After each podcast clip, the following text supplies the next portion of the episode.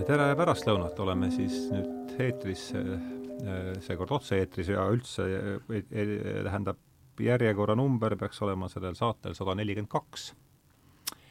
ja nagu ikka, on kaks, stuudios kaks külalist, tere tulemast, Tiina Joginen, esimest korda! tere!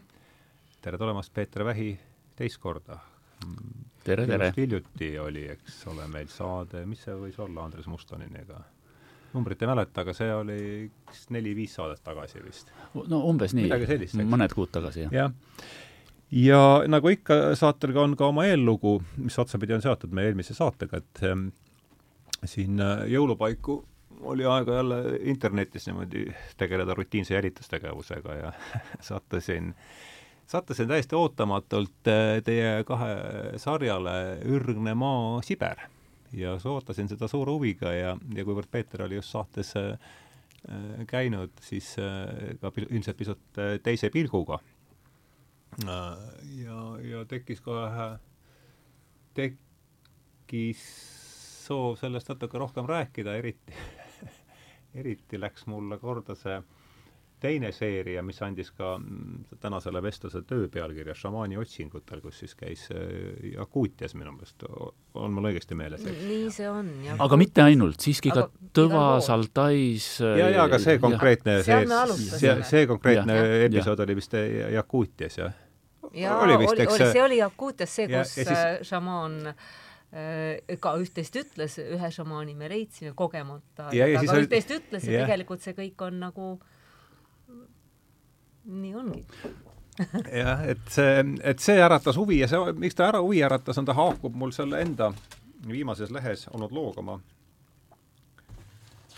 loeksin selle siit lõigu ette ja siis vaatame, kus see äh, tähendab siis, oli intervjuu äh, USA ökoloogi ja, ja filosoofi David Abramiga, kes siis, kes ütles mulle järgmist äh, mm,, ma siis tsiteerin siit, ma lendasin Kagu-Aasiasse, see tegevus toimus siin vist üheksakümnenda aastate alg-, või kaheksakümnenda aastate alguses, seitsmenda aastate lõpus mm. ma lendasin Kagu-Aasiasse, kus kohtusin palju, paljude põlisrahvaste maagide ja nõidadega.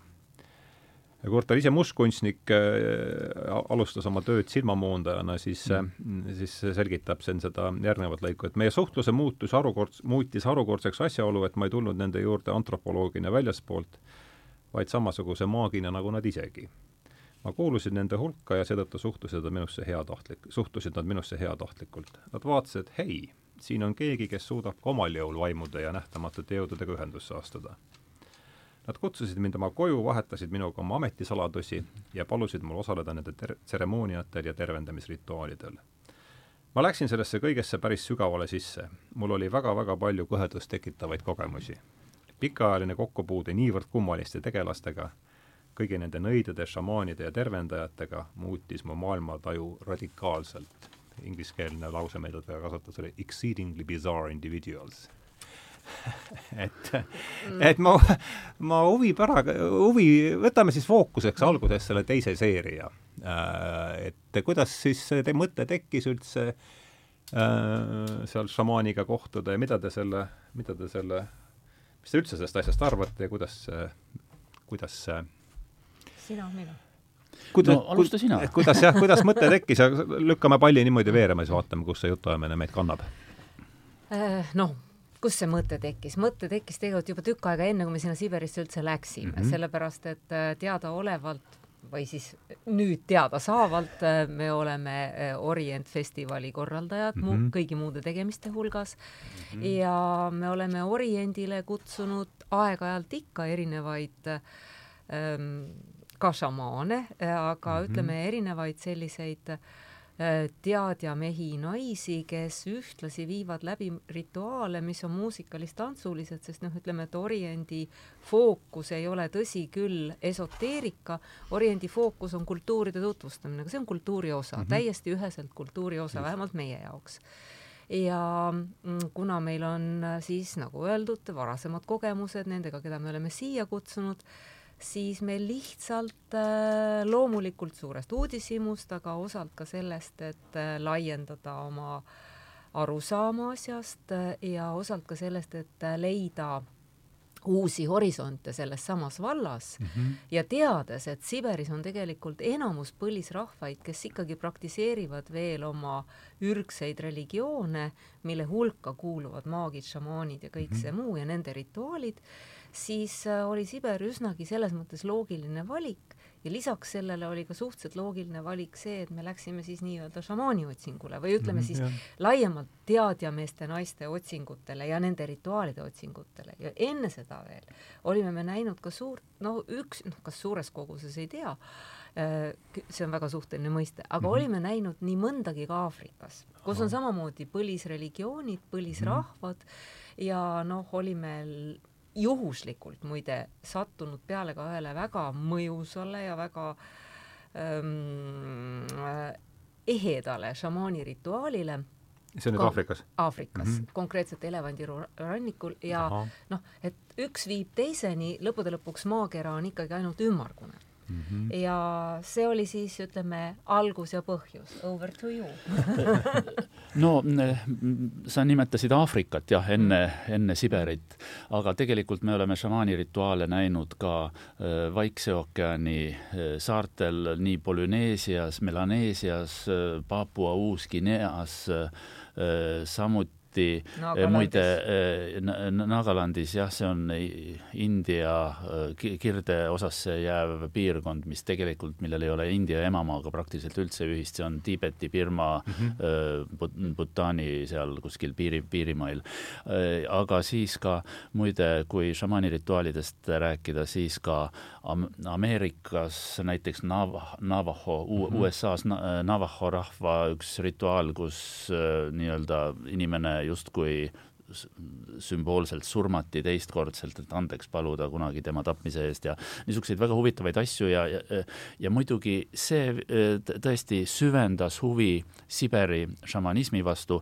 me küll kasutame kogu aeg sõna šamaan ja šamanism, aga noh, tegelikult et äh, see on ju tõesti, tõepoolest küll Siberi päritoluga mm -hmm. sõna, aga tegelikult iga rahvas nimetab neid omamoodi, kas siis ojun või böö või, või kamm, hamm äh, ja Voodoo jah, et, et, et sealt see huvi nagu tekkis ja mingil määral ka äh, ikkagi ka raamatute kaudu, mida me olime lugenud ja ei tahtnud päris nii-öelda rumalana ka sinna Siberisse minna, sellepärast sai kohtutud siin ka Eestimaal nende inimestega, kes on käinud, kas siis üritanud šamaanidega kohtuda või on või näiteks Aado Lintropi mitte ainult raamatut ei lugenud, vaid võtsime temaga ühen-, ühendust. mis raamatu nimi on? Äh, minu meelest on, see raamat, raamatu nimi on kas on šamaani otsingul või igal juhul see sõna mm., sõna šamaan on tal sees, ega neid Eesti, Eesti ja. autoritelt ei ole peaaegu väga palju, nii et äh, kui trükkida Google'isse Ado Lintrop ja sõna šamaan, siis kohe tuleb see, see raamat ette. Äh, sam-, samuti kuidas selle Ventseli eesnimi nüüd on, kes ja, ja kes Jakuutias on elanud, näiteks temaga võtsin ja, ühendust ja, ja, ja, ja noh, et, et ei läheks päris nii-öelda. võib Aimar olla. Aimar Ventsel, just. no an-, antropoloog, etnoloog, etnoloog, mhm. Aimar Ventsel muidugi, jah no tema nüüd tunneb jah, mis puudutab Jakuutia ša-, šamaan, šamanismi või tead- äh,, ürgrituaale, tema ta on ise Jakuutias elanud, ma saan aru või? minu teada ta on elanud mingi abikaasa mm, kas Jakuut ehk Saha siis. et äh, ma arvan, et ta teab päris hästi aga... noh, ütleme meie võrdluses siin. aga ega ta meile ka väga palju lootusi ei andnud, et kui me nüüd läheme, et meil õnnestub äh, noh, mingi ega meil ei olnud ka neid lootusi. ja, ja, ja, ja, ja tegelikult ega me päris nii-öelda noh, ütleme äh, niisugust šamaani rituaali ikkagi noh, ma julgen öelda, et me päris ei kogenud Jakuutias. ikkagi rohkem jõudsime asjale lähemale nii Tõvas kui ka, äh, kui ka Altais noh, ja, ja Kuutias on ühed niisugused tegelased, keda, keda nimet-, noh, ja me kuulsime lugusid, et -hmm. keegi sai ravitud ja keegi jutustas, et naabermajas siin elab šamaan ja mis ta on teinud, aga ise me šamaani rituaalis otseselt ei osalenud, küll aga sellises rituaalis, mida nimetatakse algõs rituaaliks, algõs ja, ja Kuutias mm. -hmm. ja noh, Tiinal ei õnnestunud osaleda selles rituaalis, mina küll. mul ei õnnestunud selles osaleda, aga mul õnnestus tegelikult teises, ühes teises, kus keegi no, teine ei osalenud. eks sa räägid siis sellest. aga seda viis läbi üks naine kas seal ei ole nüüd Tõvas või? ei, nüüd, nüüd, nüüd ma räägin, nüüd ma räägin. see Algush on ikka. Algush on ja, ja, ja, ja Kut-, ja Kutjas. ja seda viis läbi üks, üks naine, kelle kohta öeldi, ta on nagu sellises šamaanide kaheteistkümnest astmest koosnevas hierarhias jõudnud poole peale, et kuuendal või seitsmendal astmel. ta oli filmis ka või seal sarjas ka, eks ole? korraks oli. tead, kui, kui päris aus olla, ega noh, täpselt ei mäleta, mis nüüd ja, ja, telesaadetesse on läinud, rohkem on oli, oli, minu meelest oli, oli, oli, oli. ja, ja seal aga ma arvan, et te mõtlete praegu teist lõkke ümber äh, lõk... võib ka, võib ka vabalt olla, võib vabalt olla. noh, iga, igal juhul see, see nägi välja küll nagu šamaani rituaal, eks ole, sellised liikumised, lõke, mingite toiduainete viskamine lõkkesse, igale värviline pael, mis tuleb puu külge siduda mm -hmm. ja öö, omad soovid öelda ja nii edasi ja ikkagi tseremoonia platsil toimus see, aga nagu öeldi, et see pole päris šamaan, et ta on selline poolšamaan. tema oli kuuendal astmel tema oli siis mm -hmm. kuuendal või seitsmendal astmel, noh, ausalt öeldes ega ma ei, ma ei või julge nagu ka mürki selle peale võtta, et see asi täpselt nii on, nii ma jutustan seda, mida meile Just. hetkel öeldi või vähemalt selles piirkonnas oli ja kus see toimus, see toimus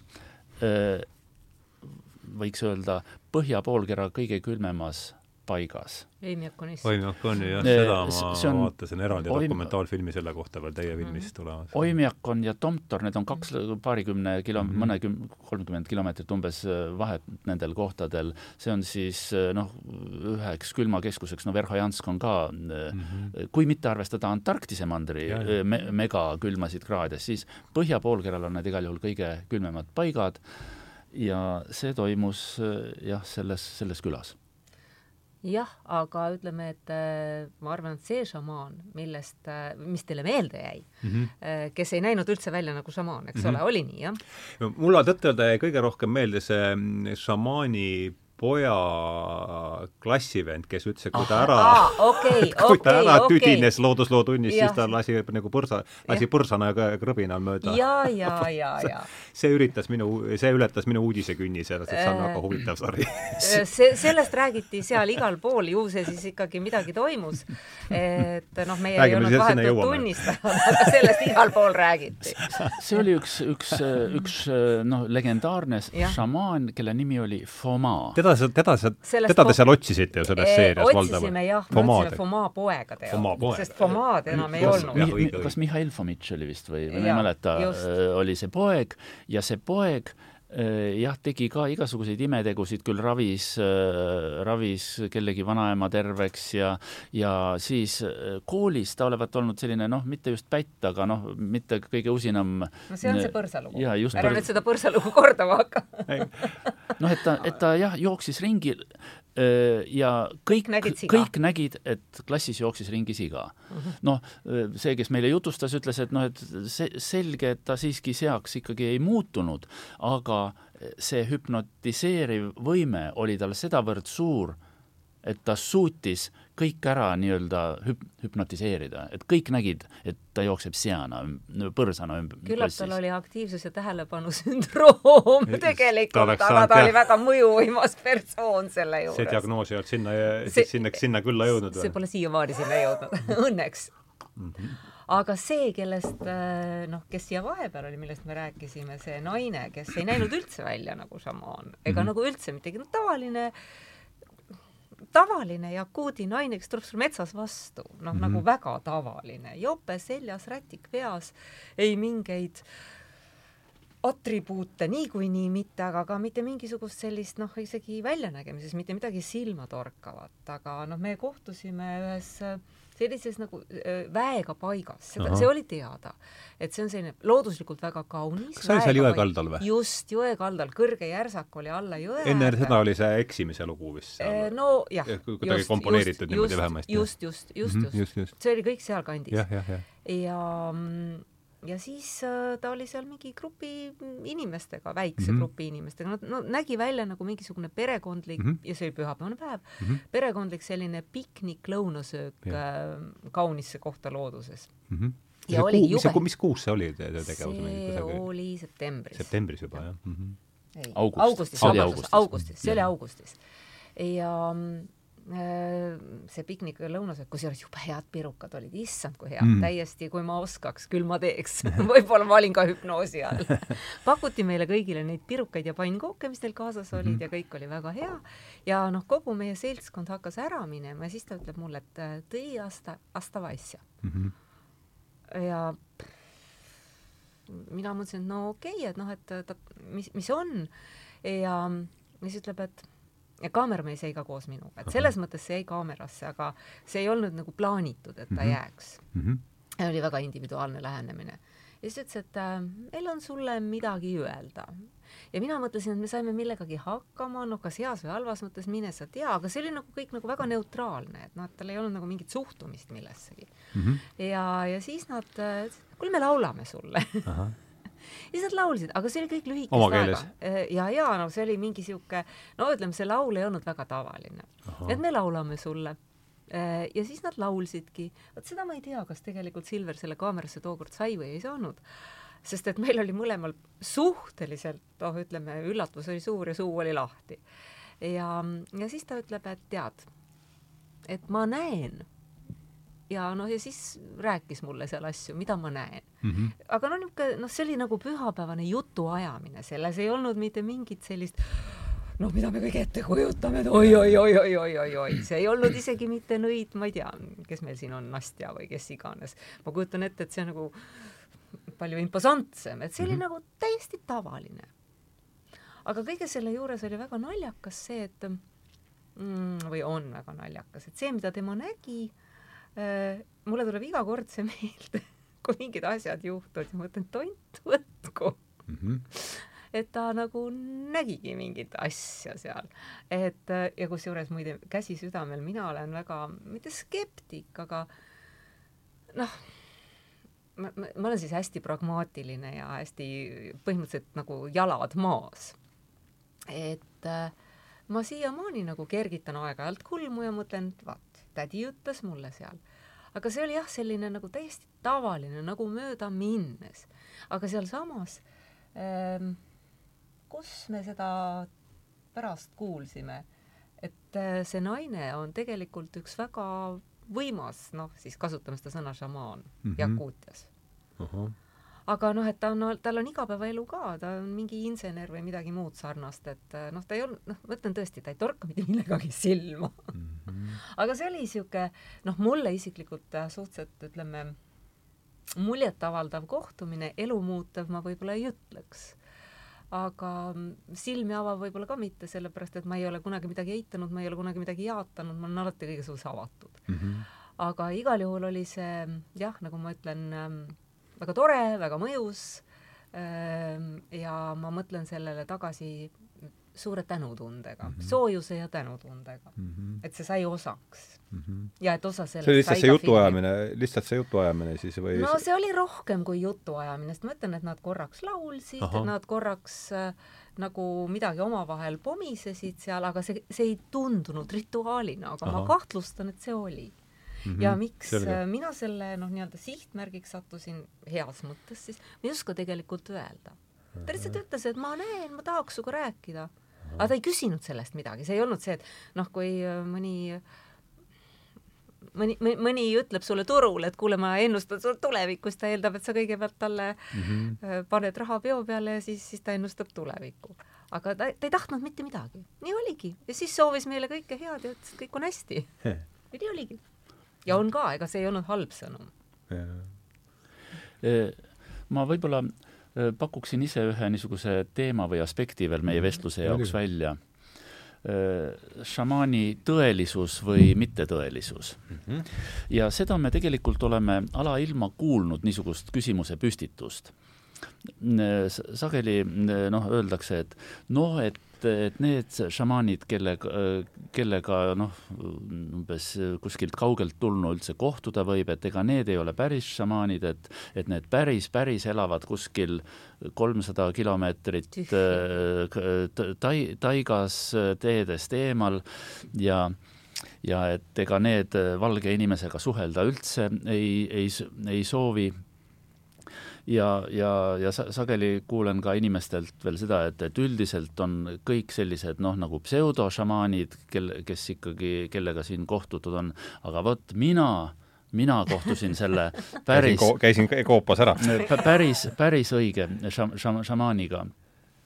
Noh, kõigepealt ma ütlen seda, et mina enda jaoks tavaliselt ei, ei selliseid asju nagu ei, või küsimusi ei püstita, et kas see inimene nüüd on päris šamaan või, või ta on pseudo või, või et mis eristab nüüd seda mm, niisugust, ütleme, mitte päris šamaani päris šamaanist, et kas see, kas keegi võtab raha või mitte või kas keegi on nõus ka oma rituaali kaamera ees läbi viima või, või, või, või keeldub, et see, et see võib-olla ei ole see kõige noh, sellisem õigem kriteerium sellise otsuse jaoks ja ma ütlen, et minu jaoks nagu sellist küsimust sedavõrd ei eksisteeri. Küll, küll aga noh, need inimesed, kes äh, šamanismi uurimisega tegelevad ja, ja mõni, mõned šamaanid ise ütlevad, et, et jah, et see pikk Nõukogude periood mm, -hmm noh, alates siis kolmekümnendate aastate, tuhande üheksasaja kolmekümnendate aastate algusest ja noh, see juba nagu kulmineerus enam-vähem aastaks tuhat üheksasada kolmkümmend seitse, mhm. kui noh, Stalini selline ideoloogia jõudis noh, juba sinna kõrglaineharjale, et enamik šamaane äh, kas hävitati ühel või teisel moel, kas lausa füüsiliselt või pandi vangi või siis vähemalt nad ei julgenud oma äh, niisugust endist tegevust jätkata või jätkasid seda noh, nii salaja, et äh, peaaegu keegi ei tohtinud sellest teada, et tegelikult niisugune mingil määral see loomulik šamaanide järjepidevus, et isalt pojale pärandusamet, see küll suures osas ja mitte ainult Äh, Jakuutias, vaid väga paljudes Siberi paikades ja mitte ainult Siberis, ka Mongoolia, mis oli ikkagi väga noh, Nõukogude Liidu ja stalinismi mõju all, sest noh, Stalin leidis endale niisuguse käepikenduse äh, või Sabaraku Joibalsani näol, et Mongoolias tegelikult toimus samuti šamanismi niisugune hävitamine. ja, ja noh, nüüd räägitakse, et et see võib-olla kuidagi on taastumas, aga et eh, noh, kuna ei ole niisugust isalt pojale ja, ja või siis šamaani nii-öelda vana šamaani nii-öelda guru, gurušamaanilt nagu õpilasele otsest edasiandmist olnud, et siis eh, ka jah, võib-olla tõesti paljud šamaanid ei ole selles mõttes päris šamaanid nüüd mm. -hmm aga siiski ikkagi räägitakse, et šamanismi sellist noh, ütleme traditsiooni saab edasi anda ka mitte ainult isalt pojale või õpetajalt õpilasele, et osa šamaane eh, on nagu šam-, šamaan taeva kaudu mm, -hmm. et ta mhm. saab oma eh, selle noh, niisuguse šamanismi me meistri oskused saab, saab otse taevast ja et see ei ole sugugi eh, noh, vähem väärtuslik mm. -hmm ma tahaks laiendada natuke või mitte laiendada, mul on kaks punkti selle juurde, et enamus nendest äh, noh, tegelikult me kasutame seda ühte sõna šamaan ja las me siis kasutame ja. praegu, aga noh, et äh, küll nad ennast kategoriseerivad värvide ja elementide ja ja tegelikult ka muude nimetustega, kes ütleb, et ta on nõid ja kes ütleb, et ta on šamaan ja kes ütleb, et ta on lihtsalt teadja. kuidas nad seal jakuudi keeles ennast ise nimetasid, kas on meeles? jakuudi keelt ma kahjuks ei oska. meelde, meelde jäänud minu meelest on see sõna ojun. ojun, seda võiks kontrollida, aga ja. minu meelest kas see on tõval, tõval on ka tegelikult ojun? ei, tõval peaks olema kamm no aga võib-olla need on erinevad, aga, aga üks on igal juhul, keda ma tean konkreetselt, on Ojun. aga muide, jakuudi keel on selline imelik keel veel, et vaadake, nii nagu eskimodel on, on igasuguste lume ja jää kohta umbes noh, kümmekond erinevat sõna ja, ja muide minu meelest jukakiiridel ja veenidel on ka põhjapõdra kohta ja, see käis väga, väga, väga palju erinevaid sõnu.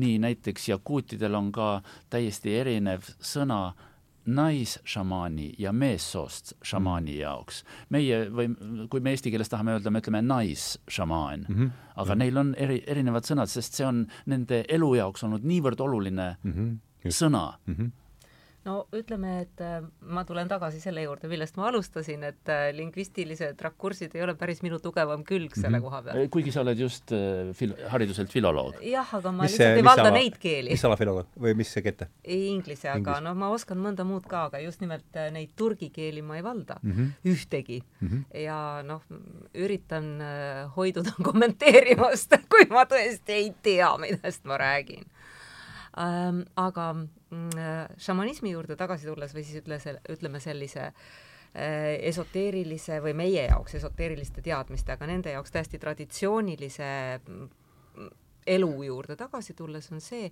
et nii-öelda need teadja, teadjamehed, naised, šamaanid, äh, see ei ole ei vasta iseenesest, ma arvan, üldse tõele, et nad peavad elama koopas ja kuskil eraldatult ja kaugel, sest nad ise kõik viimane kui üks väidavad, et nende kohus on teenida mm. -hmm. see ei ole see, et neile oleks antud kas õpetaja poolt või taevast või maalt või kuskohast iganes, et neile oleks antud teadmine, mil nad võivad endale kraapida kuskile siia äh, rinna alla ja öelda, et minu, minu, minu, kobin koopasse ja istun selle suure tarkuse otsas seal, et nad ei tohi seda teha see on, neil on kohustus seda kasutada tegelikkuses oma kogukondade ja, ja ütleme, maailma hüvanguks mm. -hmm nii valgetel kui mustadel, sest see valge ja must ei tähenda sugugi positiivset ja negatiivset antud juhul mm. -hmm.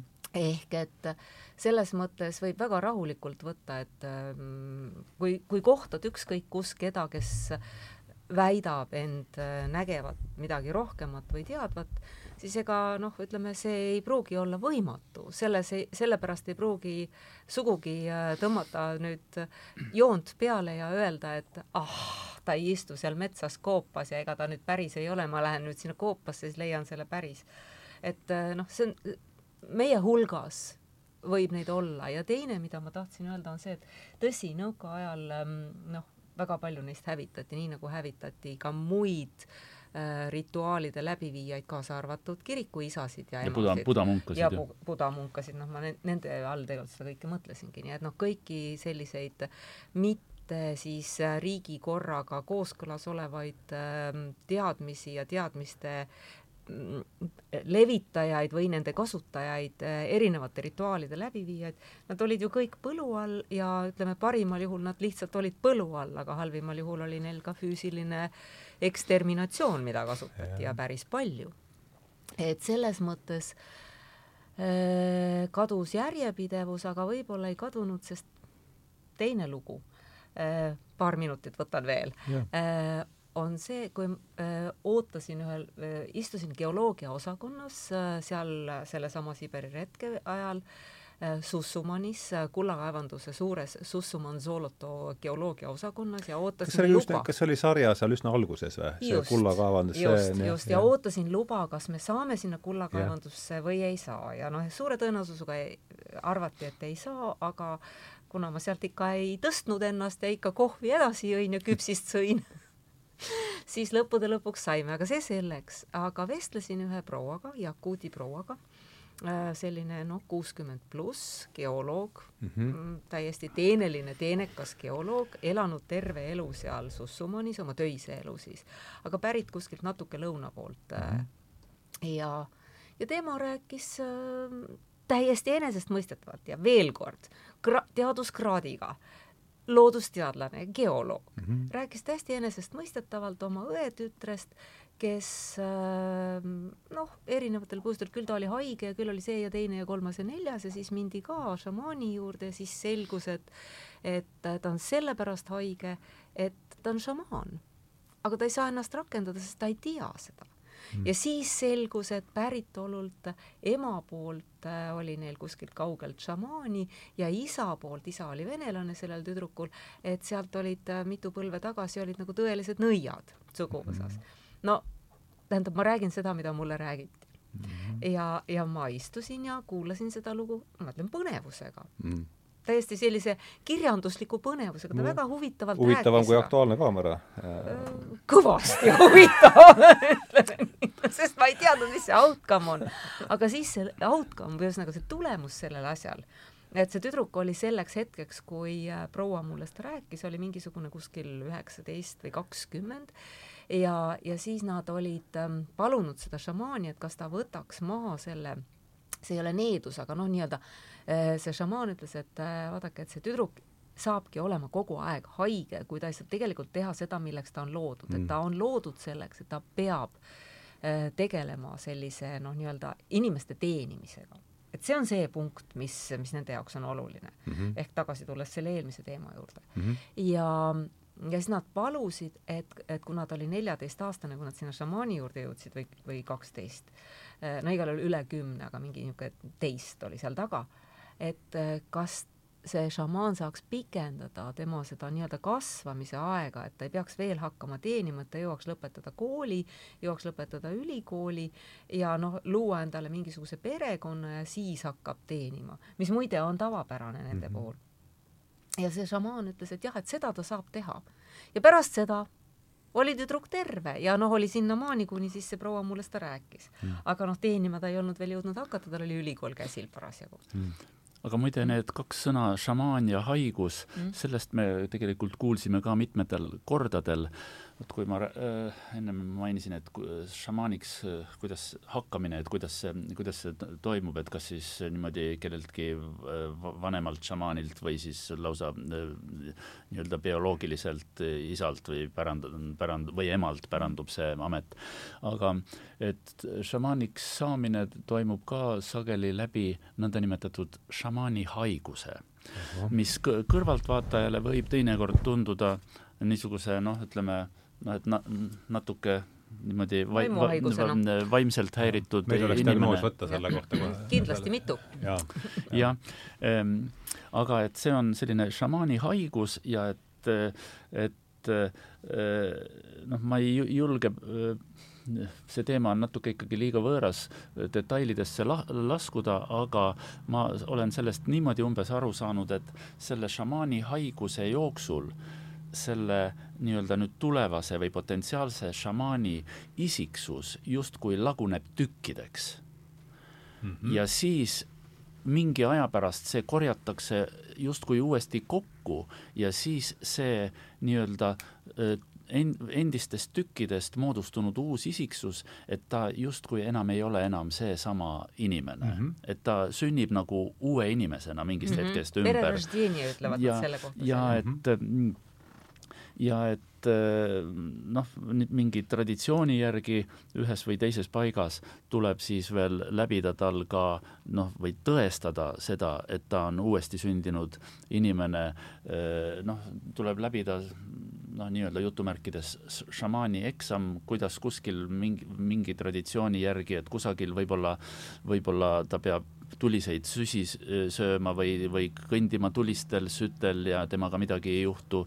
või siis näiteks tõestama sellega, et ta käib kuskil kõrges, kõrgemas ilmas ära, mm, muutes ennast näiteks linnuks ja tagasi, tagasi tulles äh, justkui naaseb maa peale ja tal on äh, noh, et ta tuli külmast, näiteks nina on, äh, ma ei tea, jääpurikas on nina, nina küljes või Keset midagi, midagi, midagi sarnast, et sellega ta on nagu tõestanud, et nüüd ta on saanud šamaaniks. Mm. -hmm muide, sellistest aspektidest veel, millel võiks, ma lihtsalt, mul tuleb praegu meelde, et ma ei, ma ei taha praegu hakata rääkima, aga aga et üks aspekt, milles me võiksime ka peatuda, on psühhotroopsete ainete kasutamine et kui on see võikski olla, mulle see paku-, kas seal ma kujutan ette, on see kärbsesaine äh, jakuut Eri, erinevad erinevad, ahah, räägime sellest ka ja see on, kuulub sellega aga ma enne sinu selle mm. ümbersünni lõpetuseks nii-öelda või nende tükkide mm -hmm. kokkukorjamise jutu lõpetuseks või siis mitte lõpetuseks, aga illustratsiooniks, vot seesama case, kus ma jutustasin sellest, mismoodi mulle täiesti mööda minnes midagi öeldi. see oli seal geoloogia ja selles, ei, mitte geoloogia, geoloogia ah, oli see, kes rääkis oma, need on, kõik on erinevad ja, ja ma vaatan, et ma nüüd et neid on nii palju. samal leheküljel olen, see oli nüüd seal selles pühapaigas. jah, selles pühapaigas mm -hmm.. seesama proua tegelikult, kui ta meile pakkus, no siis ta rääkis seda kõigile, eks. kui ta pakkus meile neid pirukaid ja, ja maru häid pannkuuke äh,, siis äh,, siis ta ütles, et ah, siin äh, lähedal meil oli siin just üks väike kogunemine ja toimus ümbersünd, vaatame, mis nüüd temast saab Mm -hmm. et see, see jäi mulle väga hästi meelde, kuidas ta seda ütles, aga see oli ka möödaminnes öeldud, aga mm -hmm. see oli täpselt see, mida tegelikult Peeter siin räägib praegu, et et vaatame nüüd, et noh, kelleks ta saab, mis temast saab mm. -hmm. Mm -hmm aga võtame selle, kuivõrd see nüüd orgaaniliselt vest- mm., vestlusest välja kasvas, võib-olla enne, kui me läheme psühhotroopsete ainete juurde, üks asi, mis mul siin enda, et te olete šamanismi ja šamaanlusega puutunud kokku ja Kuutias, Aafrika käis läbi äh, Aasia, Okeaania et üritaks järsku sellest välja, sellest, see on ju väga eripalgeline mm -hmm. nähtus, et, et kui nüüd üritaks ja, ja, ja nagu siin ka käis juba läbi, et see sõna tuleb, sõna ise tuleb ju -hmm. Siberist, eks. ja kõikjal nimetatakse neid isemoodi, et kui nüüd üritaks jällegi mitte nüüd niimoodi kramplikult seda -hmm. nähtust defineerida, aga lihtsalt enda jaoks selgitada, et välja, kui me räägime šamanismist, et millest me siis ikkagi õigupoolest räägime et võtame selle väikse, enne kui me läheme nende psühhotroopsete ainete juurde, kuidas te sellest, kuidas te sellest aru saate, sellest, sellest sõnast no, ja sellest mõistest? no mina saan aru niimoodi, et, et on meie niisugune maine maapealne elu mm. -hmm ja siis on olemas kas hauatagune või taevane või ütleme, mingisugune teispoolsus. sealpoolne elu, jah ja,? või sealpoolne või, või olemise kas, sfäär? või olemise sfäär või eksistents või, või mingi teine dimensioon justkui. ma pigem kirjutaks sellele alla, jah. teine dimensioon. ja, ja nüüd teatud puhkudel meie, kes me elame selles maapealses elus, selles, selles, selles äh, kõige reaalses maailmas, et meie teatud puhkudel vajame kas mingisugust infot või kontakti selle teispoolsusega mm. -hmm. näiteks võib-olla tahame oma öö, surnud vana, vanaemalt midagi küsida, aga me ei saa enam küsida, sest vanaema on juba lahkunud. ja, ja siis šamaan on nüüd see vahendaja, kes suudab mm -hmm. olla vahelüli nende kahe maailma vahel. no kas see, see teine maailm võib-olla eri sellistes kontekstides võib olla tõesti kas teine dimensioon, mingi paralleelmaailm või tõesti surnute ilm või, või, või taevas, aga et ša, teatud tüüpi šamaanid ja võimsad šamaanid püüa-, suudavad olla öö, vahendajad. no mina näiteks näen seda noh, ütleme laias laastus, see on ükskõik kuidas, ükskõik kuidas seda tegelikult mm -hmm. selgitada, siis milliste sõnadega või milliseid termineid kasutada, aga noh, ütleme ähm, energia jäävus on vist füüsikaliselt suhteliselt tõestatud nähtus -hmm. olemata füüsik, nüüd ma lähen ka täitsa võõrale alale, aga noh, kuna see puudutab meid kõiki, siis ähm, pigem noh, minu arusaam sellest on see, et ütleme, šamaanidel, mida nad muide ka ise ütlevad, et neil on äh, kontakt äh, teiste energiatega mm. -hmm. Nad täpselt nimetavad seda tänapäeval nii, vähemalt mm -hmm. need, mhm. kellega mina olen rääkinud ja keda ma olen intervjueerinud mitmes erinevas keeles siis Mm -hmm. aga alati tuleb see sõna energia sinna sisse. et nad ei räägi isegi nii palju teispoolsusest või, või, või taevast, maast, põrgust, hauatagusest või millestki sellisest, et neid sõnu ma ei ole nagu noh, ütleme nüüd meie reiside ajal ja enda intervjuude ajal ei ole ma mit-, noh, praktiliselt ei olegi eriti kohanud Äh, nad kasutavad küll sõnu peremees teinekord, noh, mis on nagu niisugune mugav öelda, et umbes, et kas peremees, host, hasjain, kes iganes siis noh, annab loa või ei anna loa, aga põhimõtteliselt räägivad nad sellest, et noh, et energiat ja, ja noh, see, see on see, mille eest nad ka ise hoiatavad, et et ei tasu mängida, sellepärast et on olemas erinevad energiad. Ja noh, see ütleme, võib-olla siis äh, see meedium on selles suhtes muidugi õige, et noh, et on inimesi, kes tajuvad või kes suudavad nagu, ma ei tea, mida nad nende energiatega siis teevad, nad ei kanaliseeri neid kindlasti mm. -hmm. aga neil on võib-olla mingisugune oskus siis mingisugust noh, rohkem laiemalt äh, tajuda ja, ja seesama, noh, kui sa ütled, et äh, hea näide iseenesest, tahaks oma surnud vanaemalt midagi küsida, aga ei saa, et ähm, noh, kui energia on jääv, siis võimalik, et ka teadvus miskit pidi on jääv, eks ole, et noh, et on olemas mingi kollektiivne teadvus, kust on võimalik nagu raamatukogust asju saada. -hmm.. noh, mina näiteks seda ei välistaks, kui, kui peaks hakkama defineerima, noh, kui nagu niimoodi mingit piltlikku kirjeldust peaks tegema, et noh, et see mhm. oleks nagu raamatukogu, ta saab sinna, tal on mhm. lugejakaart ja meil ei ole mm. -hmm. aga küsimus on selles, millist raamatut sa sealt raamatukogust tahad. ja ikkagi see vahe, vahendusfunktsioon äh, mingite erinevate, jah, see mm -hmm. tundub mulle ka nii vähe, kui mina sellest asjast aru saan. ja see vahendusfunktsioon isegi olenemata sellest konkreetsest ülesandest, ikkagi see on ja vahendu-, vahendamine või selline meediumi rolli minek, ega see, ma tõin ühe näitena, et, et surnud vanaemalt midagi küsida, teinekord küll otsitakse kadunud, kadunud asju või on tarvis mingit haigust ravida või needust maha võtta noh, millega me näiteks puutusime väga kokku seal selles Nagalandis. na, na, see oli Arunachal Pradeshi osariigis, kus näiteks ühe aasta jooksul üheteistkümnest lapsest suri see seitse ja, ja, ja, ja mingi nakkuse vist jah, saime, aga mhm. noh, siis jällegi kutsuti kohalik šamaan sinna, et needust maha võtta, aga mõnikord šamaan aga nakkushaiguste vastu tegelikult ei saanud ma kahtlustan. Šam-, šam-, šamaani ülesanne võib olla ka see, et võtta ühendust näiteks kas vihmajumalaga või tuulejumalaga, näiteks kui on vaja ilma muuta, kas on vaja just, kui on põud, siis on vaja vihma esile kutsuda või vastupidi, kui on noh, üleujutused, et siis vihma peatada, aga harvadel juhtudel siiski ka, ka on selline must maagia, mis noh, võib ka tegelikult pöörduda teatud teatud liiki šamaani või nõia poole, et no, na, naabri, naabrimehele äh, halba soovida või -hmm. või siis koguni surma soovida no.. aga väidetavalt tuleb see alati tagasi? Need on nüüd need energiad, millega mängida ei või on see aju, aju, ajutine, noh, natuke isegi Goethe Fausti niisugune te teema tuleb no, siin meelde. nojah, aga see tuleb endale tagasi, ütleme lühidalt öeldes.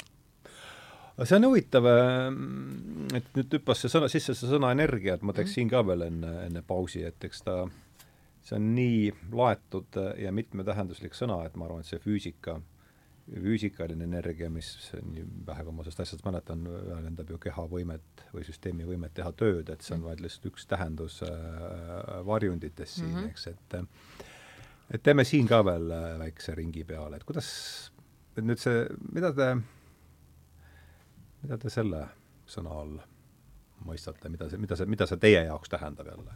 Just, just niimoodi, et mida see, mida tähendab sõna energia nüüd selles mitte tingimata füüsikalises tähenduses, kus ta on siin entsüklopeediasse raiutud, aga sellises esiteks avaramas arvan, tähenduses, et mida, kuidas te seda võtate? et meie füüsika äh, see, mida me koolis õpime, on lihtsalt algeline füüsika. ja noh, juba e-, Einsteini teooriateni me koolis ei jõua, seal võib-olla käsitletakse energiat teistmoodigi mm. -hmm et äh, ma arvan, et siin on lihtsalt selle nii-öelda definitsiooni piiratus ehk mm, -hmm. aga noh, ja sama on see, et ma võiks öelda, et mateeria, noh, et energia oleks nagu ka mateeria liik ja võib-olla ongi, aga mm -hmm. noh, et äh, mismoodi on mateeria defineeritud ehm,. jah ma arvan, et noh, nende, ütleme, meie kooliõpikute definitsioonide piiratuses on väga raske hakata isegi siin spekuleerima, ilma laskumata nii-öelda sügavasse esoteerikasse, sest lihtsalt ongi asjad, mida noh, mina kindlasti ei suuda defineerida mm. -hmm. samas ma ei ole sada protsenti valmis tunnistama, et see on mingi selline noh, midagi äh, mingi hookus-pookus, vaid äh, see võib väga vabalt olla tegelikult defineeritav. see, et me sellega hakkama ei saa, me ei ole sinnamaani arenenud ja võib-olla mitte kunagi ei arene ja võib-olla kunagi mingisugusel oma arenguetapil, ma ei pea nüüd silmas inimkonda, vaid iga indiviidi eraldi, noh näiteks elust lahkudes võib-olla me saame rohkem teada millestki. noh, me lihtsalt ei tea, ei ole veel mitte keegi suutnud seda teada saada mm -hmm. ja ma mhm. arvan, et see noh, nii-öelda selles etapis, kus me praegu oleme, siin, kus me vestleme mm, -hmm. et me võime siin igasuguseid, ütleme, sõnu üritada lahti mõtestada, aga alati jääb üks selline väga suur, ütleme, suurem hulk lahtimõtestamatust kui lahtimõtestatus mm. -hmm. ja see puudutab lihtsalt seda, et me ei saa mm. -hmm me ei saa ja nii ongi, aga see ei pruugi vältimatu alusmõisted juba hajuvad käest. täpselt äh,, nagu... et see, see ei pruugi vältimatult olla äh, mingi müstika iseenesest. see on, see on eksisteeriv, noh, ütleme näiteks äh, meie, olles budistid, äh, oleme seda korduvalt ja korduvalt ja olles ka samal ajal kristlased, kristlased teavad kümmet käsku ja seda, mida, mida on öeldud, mida ei ole öeldud, mida tohib, mida ei tohi. Natuke olles nuusutanud islamit, täpselt seesama, aga noh, nii-öelda budistide jaoks on olemas seadmus ehk nagu seadmus, seadmus. Eesti keeles on see Linnart Mälli tõlkeline sõna on, on see Linnarti? see on või jah, on enne teda juba ei, ei, Linnarti sõna okay., mis on Dharma nagu Dharma, aga no ütleme, et et aga et äh, seadmus kui siis noh, me võime öelda, et see on universaalne kord, no aga siis te, tekib küsimus, kes lõi korra, sest me oleme harjunud, keegi lõi. kust see kord tuleb? ja kui, miks me peame sellele alluma, mässame, sest korra vastu ikka mässatakse. aga noh, et, et see on midagi sellist täpselt, et noh, et mässa, kui tahad, aga sa ei saa selle vastu. et pigem on, mhm. see on, see on sama, isegi muide minu meelest oli see nüüd Diamatis või Ajamatis, kus omal ajal õpetati seda, et vabadus on tunnetatud paratamatus, aga tegelikult see on sama asi kui siin, siin me peame nooremate kuulajate jaoks vist mõisted lahti defineerima. et dialektiline materialism ja ajalooline materialism. ja need olid mida... mõlemad, tuletame meelde, teadused Need olid mõlemad teadused, aga ütleme, et oleneb kohustuslik kes... õppeaine. kohustuslik õpe ja, ja, ja, ja teaduslikud distsipliinid no, tolleaegset ülikooli ei lõpetanud ilma selleta. aga noh, et nad tegelikult olid nad ju noh, ütleme võib-olla või mitte võib-olla, vaid väga kallutatud harud filosoofiast, filosoofia vaatamata sellele. mingitud ideoloogiad siis no,. halva, halvasti mingitud ideoloogiad, ütleks mina nende kohta. jah aga noh, et see, et vabadus on tunnetatud paratamatus, ma kirjutan sellele absoluutselt alla mm, -hmm. sest et mhm. seadmus on seesama asi mm. -hmm. nii kümme käsku kui ka see, mis on Koraanis kirjas, on täpselt seesama asi. noh, me kõik elame tegelikult selle järgi, lihtsalt äh, keegi oli üritanud seda siis sinna sellesse materialismi vormi mm -hmm. defineerida yeah no Tiina läks juba sellest energia teemast nii kaugele, ega mina siin ka enam midagi ei lisa muud, kui et võtaks, võtaks selle teema kokku eh, energiavalemiga E on mc ruut kui mul kooliajast õigesti meeles on. kas sa näed, mis meil meelde kõik tuleb? See on meile ka, see on meile jah, kuidagi niimoodi energia ja mass ja mm -hmm. ja ka sellest on jah kuivõrd isiklik kogemus sellest võrrandist puudub, siis on temaga väga raske kuidagi äh, no vot, siia me nüüd jõuame, eks, et noh, me juba sedagi ei taju tegelikult, mis, mis, mis mõttes, eks saa... ole. noh, ja siis, kui sealt läheb edasi seesama lõpmatus ehk relatiivsusteooriani välja või sealt edasi, siis me ei saagi tajuda. see ei olegi võimalik. just nimelt, jah selle elu juures, kuidas me elame ja mida on me lihtsalt elame. üks abstrakt mm, -hmm. me võime ju siin ükskõik mis rääkida, aga mm -hmm. lõppkokkuvõttes on seal ikkagi üks, kaks, kolm, neli, viis sümbolit mm -hmm. üksteise otsas ja mida see kõik nüüd tähendab. aga äh, psühhotroopsed ained ja šamanism, et see on, tundub olevat väga huvitav äh, rada või niidiots, mida siin äh, sikutada, et kuulaks teie äh, kuulaks teie arvamust sellest asjast, kumb, kumb, kumb tahab alustada? no ma või, võin alustada Alusta.. sa tead rohkem kui mina sellest. no siin jällegi me oleme kokku puutunud selle teemaga mitte üksnes Siberis mm. -hmm. kindlasti Ameerikate ma-, mõlemal kontina-, kontinentidel, nii põhjas kui, kui lõ-, kui lõunas, teatavasti kasutavad äh, šamaanid Ameerikas niisugust äh, ainet nagu, nagu mm, uimakaktus ehk peyote mm, -hmm. millest me oleme ka palju lu lugenud Castaneda pikkadest sari, sarjadest siis, siis äh, minu meelest oli see Mehhiko kus, äh, ja Lõuna-Ameerikas ka per, Peruus lausa turul võib osta särast kaktust, äh, mille nimi on San Pedro mhm. kaktus mm. -hmm. see on selline pikk noh, meet, meetripikkune selline nagu üks jäme vorst ja ne-, neid võib turult täiesti osta ja, ja sellest saadakse sellist jällegi psühhotroopset ainet. siis Peruus minu meelest oli see, kus me puutusime kokku trompetlillega mm. -hmm. kas see trompetlill on siin äkki meil isegi dekoratiivtaimena äkki isegi kasutusel ja. või? mul ei ole, minul on. ja vist. ja, ja, ja, ja sellest saadakse sellist noh, leotist mm, või keed, no mingi keedis, keedus ja, mingi ja, asi on. ja mis ma ei tea, kuidas nad ekstraheerivad, aga kuidagi ekstraheerivad sellest. aga, aga need ained on kõik sellised mm, noh, ütleme Siberi väli, välised mm. -hmm. aga Siberis jah, muidugi on punane kärbseseen ja noh, tegelikult punane kärbseseen on ju üldse nagu peaaegu et seene arhetüüp meie jaoks ja., isegi, isegi lasteaia mingites mm -hmm. noh, raamatutes nii, või, või kuskil aabitsas, siis on ja. ikkagi punane, punane kärbseseen. huvitav küll, jah, me ei alusta kukaseenest, me läheme ikka sinna.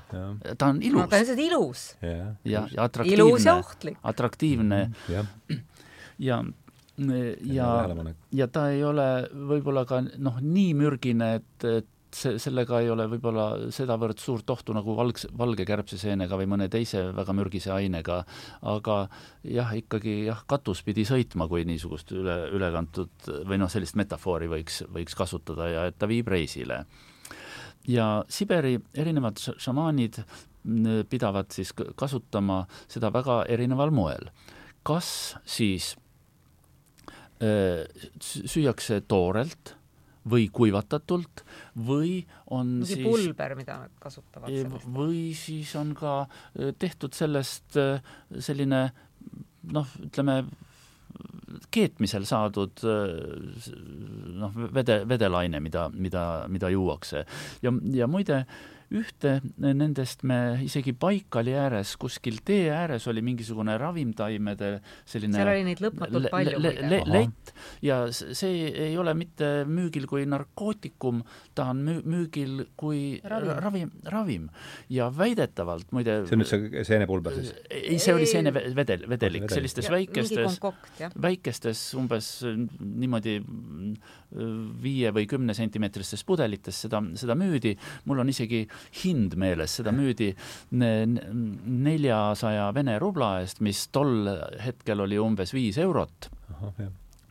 ja, ja seal oli terve rida haigusi, mille vastu, mille vastu see oli, ma ei mäleta enam kõiki neid, noh, et pidi, ma ei tea, insuldi ja ma ei tea, südame mingite haiguste vastu ja, ja isegi vähiraviks kasutatakse vist ja noh, uskumatult palju haigusi, kas, kuivõrd see nüüd tõele kõik vastab, seda, seda on raske, raske öelda, aga igal juhul jah, pidavat see viima šamaani nii-öelda reisile ja kui me siin rääkisime mingitest kas teispoolsusest või, või, või mingisugusest eksistentsi teisest dimensioonist, siis just, just selle abil ta saavutab kontakti siis mm. šamaan suudab saavutada, saavutada kontakti ja eks me oleme näinud küll, ma pean ütlema, tõesti mitte niivõrd Siberis, vaid eelkõige just Aafrikas, kus nad lähevad nagu täiesti transsi ja täiesti endast välja, noh,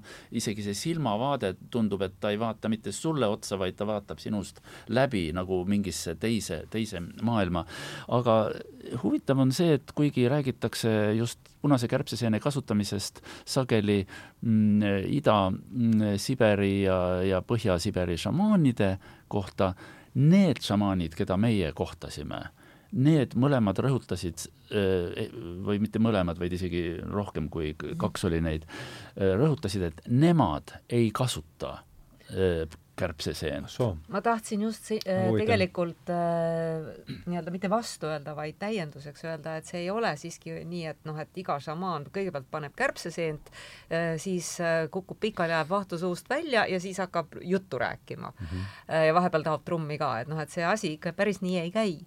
et kuidas keegi, aga täpselt mina ei ole Siberis kohanud mitte ühtegi sellist teadma inimest mm, -hmm. kes sõltumata soost kes oleks äh, kas nähtavalt äh, tarbinud või nähtavalt olnud tarbinud, lõppude lõpuks on see ka näha, äh, või kes oleks ka isegi öelnud, et ta tarbib, vaid pigem vastupidi, rõhutati seda, et seda ei ole vaja.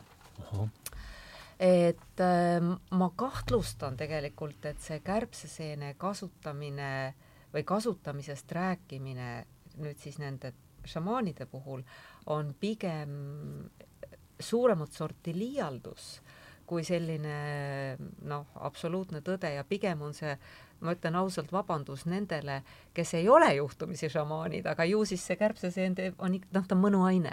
et, et see on niisugune tore asi kasutada, siis võib ju sellele rohkem külge pookida, et ma ei ole selles nagu noh, ma ei ole nii veendunud sellise psühhotroopse aine kasutamises seal Siberis sellisel massilisel määral mm -hmm. šamaanide poolt mm, -hmm. küll aga äh, täpselt see, mida Peeter ütles, Aafrika on täitsa teine teema, kui me mm. räägime šamaanidest. noh, meie nägime ikkagi ühte väga suhteliselt Lääne... jõhkrat Lääne-Aafrikas. see on Jõh... Iboga täpselt, aga me ei näinud Iboga rituaali. Iboga muide, tuleme selle Iboga juurde tagasi pärast. see on huvitav teema. aga see, mida meie nägime Äh, noh, ütleme, ma arvan, et Peeter peab äh, mulle seekord äh, tänu avaldama mitmendat korda juba, et ma tirisin su sealt üldse eest ära, sest noh, neil oli niimoodi see on nüüd Aafrika, see on nüüd Aafrika, Lääne-Aafrika, Ghanas. see oli Ghanas. Eve, Eve, Eve, Eve hõim. Eue, jah, Eue, Eve, kuidas iganes mm. -hmm. mis hõim, see on rahvas, neil on oma riiki olnud kunagi äh, paar sajandit tagasi mm -hmm. küll, aga siiski väga korralik sõjavägi oli neil muide ah,. aga et äh, noh, nad olid ikka nii teisel pool, ütleme, nad olid nii pilves, praktiliselt kogu see seltskond seal ja see, mis seal toimus, kuidas seal nugadega vehiti ja kuidas seal ennast torgiti ja kuidas seal äh, kõike tehti ja kuidas seal pikali kukuti ja tõesti umbluu karjuti sõna otseses mõttes ja vahtu hakati suust välja ajama mm. -hmm. ja kuidas siis noh, seal olid mõned noh, nii-öelda selgema peaga valvurid olid sellel asjal kõrval, kes siis tarisid neid ära, kloppisid jälle üles, kellel kuskilt üle läks. see oli nüüd see oli võimu, võimurituaal, ma saan aru, see jah? oli selline, see oli terve päeva või isegi lausa paar päeva kestev tõesti selline šamanistlik rituaal või voodoo või kuidas iganes seda keegi soovib nimetada. no see ei olnud iboga, nad tarvitasid seal mingisuguseid muid asju. iboga seevastu on väga kontrollitud sealses keskkonnas. ma tean, et Eestis ja läänes ibogat, kes kätte saab, paneb igaüks ja arvab, et nii ongi tore. Mhm. aga seal iboga on iseenesest Gabooni päritolu ja teda tarvitatakse siis äh, traditsiooniliselt Gabon, Cameron ja võib-olla mingit otsapidi natukene ka Angolas. aga alati, vähemalt sealkandis, kõik, kes sellest rääkisid, ütlesid, et iboga on väga suurt ettevaatust nõudev asi ja et ibogat tohivad manustada ja seda nii-öelda reisile saatmist kontrollida ainult Gaboni päritolu naised ja rõhuasetusega. mehed ei tohi, eh, ainult naised ja ainult gabonlannad ja mm. võib-olla sealgi oli veel mingisugune oma kitsam piirang selle asja juures. noh, võimalik, et see on turukaitse, ma ei tea, aga seda rääkisid kõik ühest suust ja mitte keegi ei julgenud ise hakata selle ibogaga toimetama. ja kui mina mm. kunagi kuulsin, noh, et meil siin läänemaailmas seda ibogat promotakse kui mingisugust äh, suurepärast äh, äh, ravimit, noh, mis ei ole küll tõsi, farmaatsiatööstusest läbi käinud, oleks veel sealt läbi käinud, siis noh, mul küll kõik punased lambid süttisid ausalt öeldes, sest et nii suure ettevaatusega, kui temasse suhtutakse seal Lääne-Aafrikas ja nii suure ettevaatamatusega, kui sellesse suhtutakse siin, siis ma mõtlesin, et tehtud, aga ma ei tea, need inimesed ilmselt, kes noh, kust, kust mina seda kuulsin, nad on, see oli juba tükk aastaid tagasi, nad on täie mõistuse juures, näevad täitsa kobedad välja, et ma ei tea, ju ta siis on okei okay. mm. -hmm. ja aga jah, kuidas seal nüüd, kui võrrelda et ütleme, kaks, kaks piirkonna olid läbi käinud äh,, Siber, Jakuutia, Lääne-Aafrika. No Ameerikat ka. ja no võtame Ameerika ka sekka, et mis on ühised ja mis on, mis on erinevat, ütleme nendes šamanistlikes äh, kultuurides Al. alustame eri, alustame, alustame ühisest, et mis neid mida te, mida te sealt kõigepealt välja tooksite? no ma arvan, et ühine on tegelikult äh, väga selgelt A, nad teenivad, noh, ütleme sisuliselt nad on siiski preestrid. ma saan ja. aru, et preestritele see jutt praegu ei peaks meeldima, aga kristlikele preestritele sa mõtled no,? jah ja., aga et nad, nad on preestrid. Nad teenivad, nad on vahendajad millegi äh, kõrgema arusaamise või teadmise ja, ja noh, siis ütleme tavaelu vahel Eh, nad printsiibis on kohustatud tegelikult jälgima mingeid ja järgima omi eetikaprintsiipe, printsiibis mm -hmm. kindlasti on kõrvalekaldeid, aga neil on nad olemas ja, ja see on üsnagi kodifitseeritud ja need on üsna sarnased, ei tohi kahju teha, ei tohi kahju teha ja ei tohi halba teha ja nii edasi ja nii edasi. Eh, noh, põhimõtteliselt me räägime kümnest käsust, ega see käib ka nende kohta mm. -hmm. lihtsalt erinevalt formuleeritud nad siis oma selle teenimise läbi äh, nende eesmärk või noh, nende võim, oma võimete piires nad kas ravivad või aitavad mingil muul moel. et äh, noh, minu meelest need on need ühised jooned. Ja selleks, et seda teha, viivad nad läbi rituaale, mis on A, kas vajalikud neile endile et seda teadmist omandada, mida jagada, või B, vajalikud nendele, kellel nad seda teadmist jagavad, et see oleks siis kas mõjusam, kas psühholoogiliselt või ka füüsiliselt. et erinevat moodi. sest noh, neil on ka muuhulgas täiesti ka füüsilised tehnikad, mis on te-, noh, ütleme ravimise jaoks, nad võivad masseerida, nad võivad panna nii-öelda sooni paika, noh, ütleme täiesti selline füsioteraapia kuulub ka sinna juurde ja see, see minu meelest need on kõik ühendavad jooned neil mm. -hmm ja no. taimetarkus sinna juurde, absoluutselt kõigil loomulikult, kõik ja. nad tunnevad ravimtaimi ja loodust suurepäraselt, ükskõik kus maailma nurgas. sest see oli ainuke apteek, mis, mis meil on olnud tuhanded aastad, eks. no see on see, kust apteek alguse sai. just nimelt noh, kui erinevustest rääkida, siis, siis äh, kindlasti erinevused tulenevad kohalikust niisugusest kultuuri mm -hmm. kontekstist, kultuurisfäärist. Äh, kui äh, mingil maal Äh, on sajandeid mängitud selliseid konga tüüpi trumme, mis on sellised pikad puust, äh, puutüvest valmistatud, siis äh, Aafrika šamaan, noh näiteks, keda me nägime kuskil seal Malawi ja Tansaania piiri, piiri lähedal, noh, tema kasutab niisugust trummi, aga kui mõnel teisel maal on sellised nagu ra-, raamtrummid, noh, mis on Siberi šamanismile omased, noh siis kasutatakse seda pilli seal ja, ja Jakuutias näiteks ka parmupilli mm, -hmm. mida võib-olla mõnel mingis Aafrika riigis ei, ei kasutata, see ei ole nagu võib-olla tseremooniad on erinevad, eks see, see, see ei ole nagu olemuslik mm, -hmm. eks ole, see on lihtsalt jah, selline tseremooniate oma, omapära ja ja võib-olla näiteks tuld ja lõket kõik kasu... kasutavad tuld, ma just praegu mõtlesin, see on üks ühine asi, energia, me räägime just. energiast, tuli on energia. elav tuli. aga e, isegi jah, Aafrikas, kus on ju, oli, oli kõik kasutavad tuld.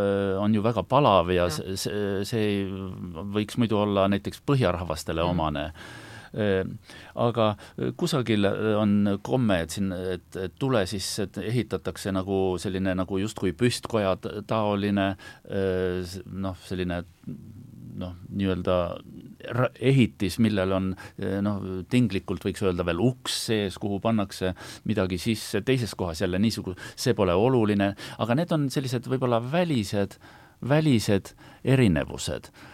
Mm, ja võib-olla mõnes kohas äh, nagu ei püüta niivõrd nagu võib-olla kogu seda rahvast hüpnotiseerida, aga vot muide sellise hüpnoosi äh, elemendi suhtes, see, millest me rääkisime, et ke, noh, keegi muutus ju, justkui teiste silmis äh, seapõrsaks, eks ole, aga absoluutselt selline isegi ma ütleksin, psühhoanalüütiline või peaaegu et mhm. Freud, freudilik äh, noh, selline asi, millega me puutusime kokku Ameerikas mm. -hmm vot ma nimetasin Navajo äh, äh, rahvast see on siis äh, noh, elavad kõrvuti seal hopid, Nava, Navahod. kus kandis nad on? Need on Arizonas. Arizona jah, just, just.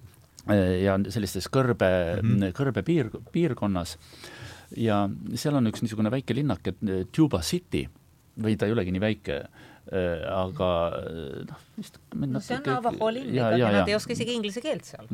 suur osa nendest. ja see on üks väheseid kohti muide, kus, kus indiaanlased ei ela reservaatides. no see Juba no, City on ise üks reservaat. et, et ta, seal on umbes üheksakümmend, ma ei tea, kuus protsenti või midagi mm, -hmm. kui ma ei mhm. eksi, on mis see linna nimi oli? Tuba, nagu tuba. Tuba, Tuba, Tuba, tuba City mm -hmm. on selle oh. linna nimi. no tähendab, kirjutatakse Tuba, Tuba nagu City. nagu meie toa, tuba, toa, tuppa mm. -hmm. ja, ja seal noh, mustanahalisi no, ei jah. ela seal üldse ja valgeid ka praktiliselt mitte.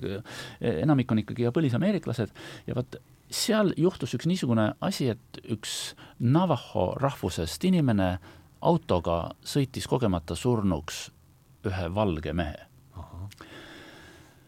ja see probleem ei andnud rahu ilmselt ei sellele valge, tähendab surnuks sõidetud mehe perekonnale, aga veelgi rohkem see häiris, häiris äh, äh, neid Navajo inimesi endid.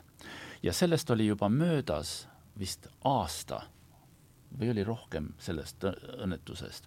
ja siis nad tahtsid kuidagi lahendada selle probleemi ja kui ma nüüd õigesti aru sain, eh, sa, Tiina, paranda mind, kui see ei olnud niimoodi, et selle valge mehe küljest, ennem kui seda maeti, võeti ära mingi kehaosa.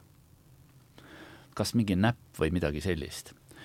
ja nüüd aasta hiljem korraldati suur rituaal, kuhu me, meil oli noh, võimalus sattuda, üldiselt eh, see oli väga suur juhus ja väga suur vastutulek, et meid sinna lubati ega meid algusest lõpuni päris ei lubatud ka, aga noh. ja see oli äh, ja see rituaal kestis paar-kolm päeva, esimesel mm -hmm. päeval me ei leidnud üles seda kohta.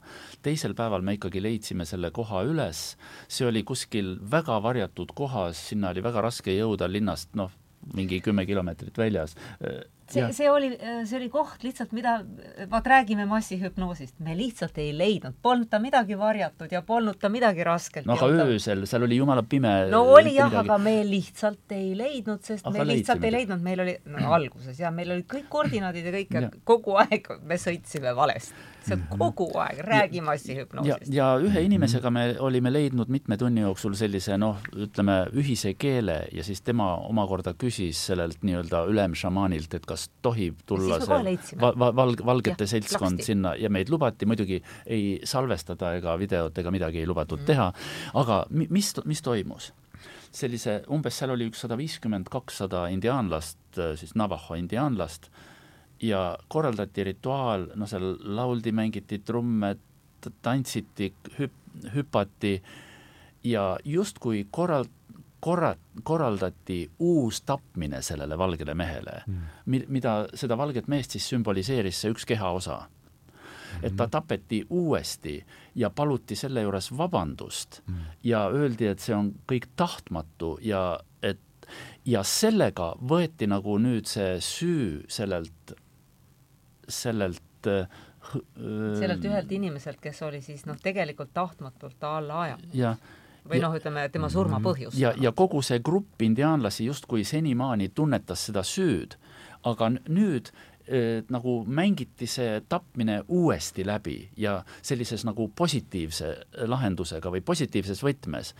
muide, see meenutab tõesti psühhoanalüütil mm -hmm raviseansse laus, lausa mm, -hmm. et kui kellelgi on mingi probleem mm, -hmm. siis pannakse ta noh, nii-öelda hüpnootilisse unne ja mängitakse see kunagine noh, selle patsiendi probleem nagu psühhoanalüütilisel tasemel uuesti läbi ja, ja. positiivselt mm -hmm. ja ta on sellest probleemist vaba sellest mm -hmm. hetkest. ja vot see seal, seal toimus see, see oli natuke teisel viisil aga siiski minu meelest see mõte on sama mm. -hmm. seal oli tegelikult kaks ja. asja, mis, mis, mida, mida siinkohal tasub iseenesest esile tuua, tõsi, üks neist ei puuduta otseselt šamanismi, küll aga äh, neid kultuure, kus äh, šamanism on äh, prevaleerivaks religiooniks siis. ja, ja see on kogukonna vastutus, on see, mida mida ma tahaksin esile tuua, rohkem isegi veel kui see, see ja. Freudi teema ja see noh, et, et uuesti läbi elada ja siis sellele positiivne vas-, tulemus anda mm, -hmm. sellele negatiivsele sündmusele. noh, mis, mis on, mis on tõsi, see on, see on, see on see üks aspekt, aga teine on see kogukonna vastutus ja, ja noh, ütleme, et kui me võtame näiteks, et kui siin keegi ükskõik, põhjustab liiklusõnnetuse, mille tagajärjel üks või ka rohkem inimest äh, kaotab elu ja see on selgelt, eks noh, et noh, põhjustaja on teada, alati ei ole ju selge, mis juhtus, sündmuste ahel võib olla väga erinev. aga ütleme, et kui on, siis äh, noh, siis kõik ütlevad, vaat see, sina oled siin süüdi, asi ants, lähed vangi ja istud seal oma vangis mm. -hmm. ja kannad üksi oma vastutust ja vaata, kuidas sa saad mm. -hmm. aga et nendes äh, enamikes šamanist, šamanistliku religiooniga siis kogukondades on ka kogukondlik vastutus mm. -hmm. ja, ja see süü võetakse ühiselt ja süüd lahendatakse ühiselt. ja väga võimalik, et ütleme, see on otsapidi seotud nende uskumuse ja nende arusaamaga, noh, see võib olla ka väga teistmoodi süü ühine lahendamine. näiteks ähm, Paapua Uus-Guinea, mis on ka loomulikult ülimalt šamanistlik ähm,, nende puhul ei eksisteeri põhimõtteliselt kriminaalkoodeksit noh, et see on Port Morespis, mis on pealinnas, kui seal tehakse asju ja seal tehakse hirmus palju asju, mis on kõik väga halvasti, seal on tõesti kohutavalt suur kuritegevus ja seal on ka vangla ja seal on kohus ja seal on politsei ja seal on, seal on kõik mm. -hmm. aga no see on mingi väike lääne kultuuri enklaav seal. no just, aga kõik see, mis jääb sealt väljapoole, mis on tegelikult äh, asustatud äh, paapuadega mm, -hmm. erinevat etnilist gruppi paapuadega, neil on sadu keeli seal, nii et noh, et see ei ole mitte üks rahvas paapuad, siis praktiliselt kõigil on kollektiivne vastutus, see tähendab seda, et kui ühe küla või siis ühe kogu, ühte kogukonda kuuluv mees lööb armukadeduse hoos maha oma naise armukese, kes kuulub teise kogukonda, siis ei ole see, et tullakse ja lintšitakse see mees ära või kutsutakse politsei, antakse ta kohtu alla, pistetakse pokri absoluutselt mitte midagi sellist. mitte keegi ei võta teda kriminaalvastutusele, aga kogukond võtab tsiviilvastutuse ja see on suur tsiviilvastutus mm. -hmm. et tulevad kokku kahe kogukonna vanemad ja otsustavad, mis on see kompensatsioon. et karistus on kompensatoorne ja see kompensatsioon on tavaliselt väga suur terve kogukond peab väga suure osa oma varast ohverdama teisele kogukonnale ja nad teevad seda vastuvaidlematult. see kuulub nende selle, vaat nüüd usundi sisse. et need on mhm. nii omavahel seotud asjad ja ühtlasi siis tegelikult võib ka öelda, et äh, kui me siin arutasime, mis on ühisjooned šamanismil mm -hmm. ümber ilma, eetikakoodeks mm. -hmm reeglina need kogukonnad on väga eetilised. just, nad on preestrid, nagu me siin enne jah, aga nende eetikakoodeks on väga mõjus mm. -hmm. meil individualistlikus maailmas kümne käsuga vehkimine on sama hea kui ma ei tea, ükskõik mis asi mm. -hmm. aga neil see nii ei ole. midagi lisada? ei, mul siia ei ole nagu midagi lisada, võib-olla, võib-olla ainult seda, et et me oleme äh, oma jutuga võib-olla jätnud mulje, et igal pool, noh, kui välja arvata see, mis ma ütlesin, Nõukogude ja Stalini aegne pe periood, et selline äh, nagu nõiajaht šamaanide äh, peale, et võib-olla oleme jätnud mulje, et et igal pool on šamaanid väga auväärsed ja austatud inimesed ja hinnatud, et tegelikult see päris nii ei ole. Aafrikas päris paljudes kohtades noh, tõmmatakse nagu selline võrdusmärk, šamaan võrdub nõid ja nüüd see nõid nagu halvas, selle sõna halvas tähenduses. ja sellist nõiajahti on, on, on peetud ja, ja paljudes maades isegi noh, sadade kaupa neid hukatud ja, ja küll põletatud ja, ja noh, et ühesõnaga, et on ka niisugust teistsugust negatiivset suhtumist nendesse nõidadesse. jaa, aga siinkohal tegelikult see on libe tee, kus me praegu oleme, ma ei tahaks hakata äh, analüüsima neid ühiskondi, kus see toimub Äh, ja mis põhjusel see toimub, et ma pigem, ma arvan, et see ei ole saate teema, siin on konflikt ähm, ütleme, riikliku usundi vahel mm, -hmm. mis on loonud ka riikliku süsteemi mm. -hmm. Millel on omad preestrid. ja kellel on omad preestrid ja tegelikult ütleme, et äh, selles mõttes Aafrika on kurb näide, kui kiiresti oli võimalik ähm, kohati, mitte igal pool, kui kiiresti oli võimalik äh, vähemalt alla suruda, ma ei ütle, et hävitada, hävitada ei ole vist maailmas väga midagi võimalik otseselt, aga alla suruda pikemaks perioodiks äh, küll, kui lühikese ajaga, kui ma räägin kolonialismist äh, ja kui põhjalikult suudeti mingisugune noh, nii-öelda süsteem uppi lüüa mm, -hmm. alla suruda siis. et see selle põhjused on mujal ju, see ei ole see, et neil oleks nagu sisse sündinud see, et nad nimetavad kedagi nõiaks ja hakkavad seda ise põletama, et enamasti noh, nende ajaloolistes formatsioonides, nendes riikides, mis seal on eksisteerinud enne kahekümnenda sajandi algust, enne Berliini konverentsiga äh, maa, Aafrika no, mandri jagamist, mm -hmm. et äh, nendes süsteemides minu teadaolevalt nüüd küll ei hukatud ei nõidu ega šamaane, vastupidi noh, mõned Lääne-Aafrika kultuurid olid väga või noh, kõik olid tegelikult äh, sellised ütleme äh,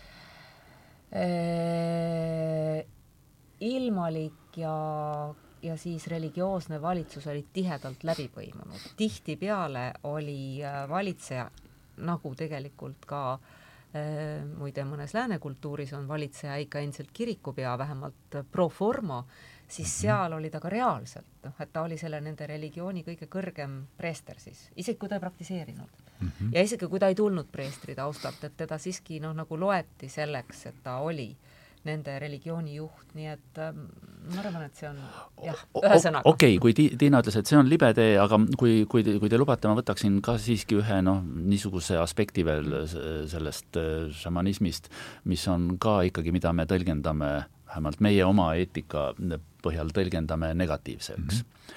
see on ohverdamine, ohvri, ohvrite toomine mm. -hmm. näiteks äh, äh, me Nõus. tõesti ei Jakuutias ega, ega Tõvas ma kogu aeg ütlen vaheldumisi tõva ja, ja tuva, noh, lihtsalt kui, kui mina koolis käisin ja geograafia, geograafiat õppisin, siis oli see tuva, aga nüüd on see, no koha peal hääldatakse rohkem tõva või õigemini tõva, noh, veel rõhuga viim-, viimasel häälikul nende oma, omas keeles. aga ei, ei ole näinud jah, Siberis seda, küll aga võib-olla kõige ekstreemsemal kujul äh, jällegi India osariik Arunachal Pradesh, mis, nagu ma ütlesin, India emamaast on mm -hmm. täiesti eraldiseisev.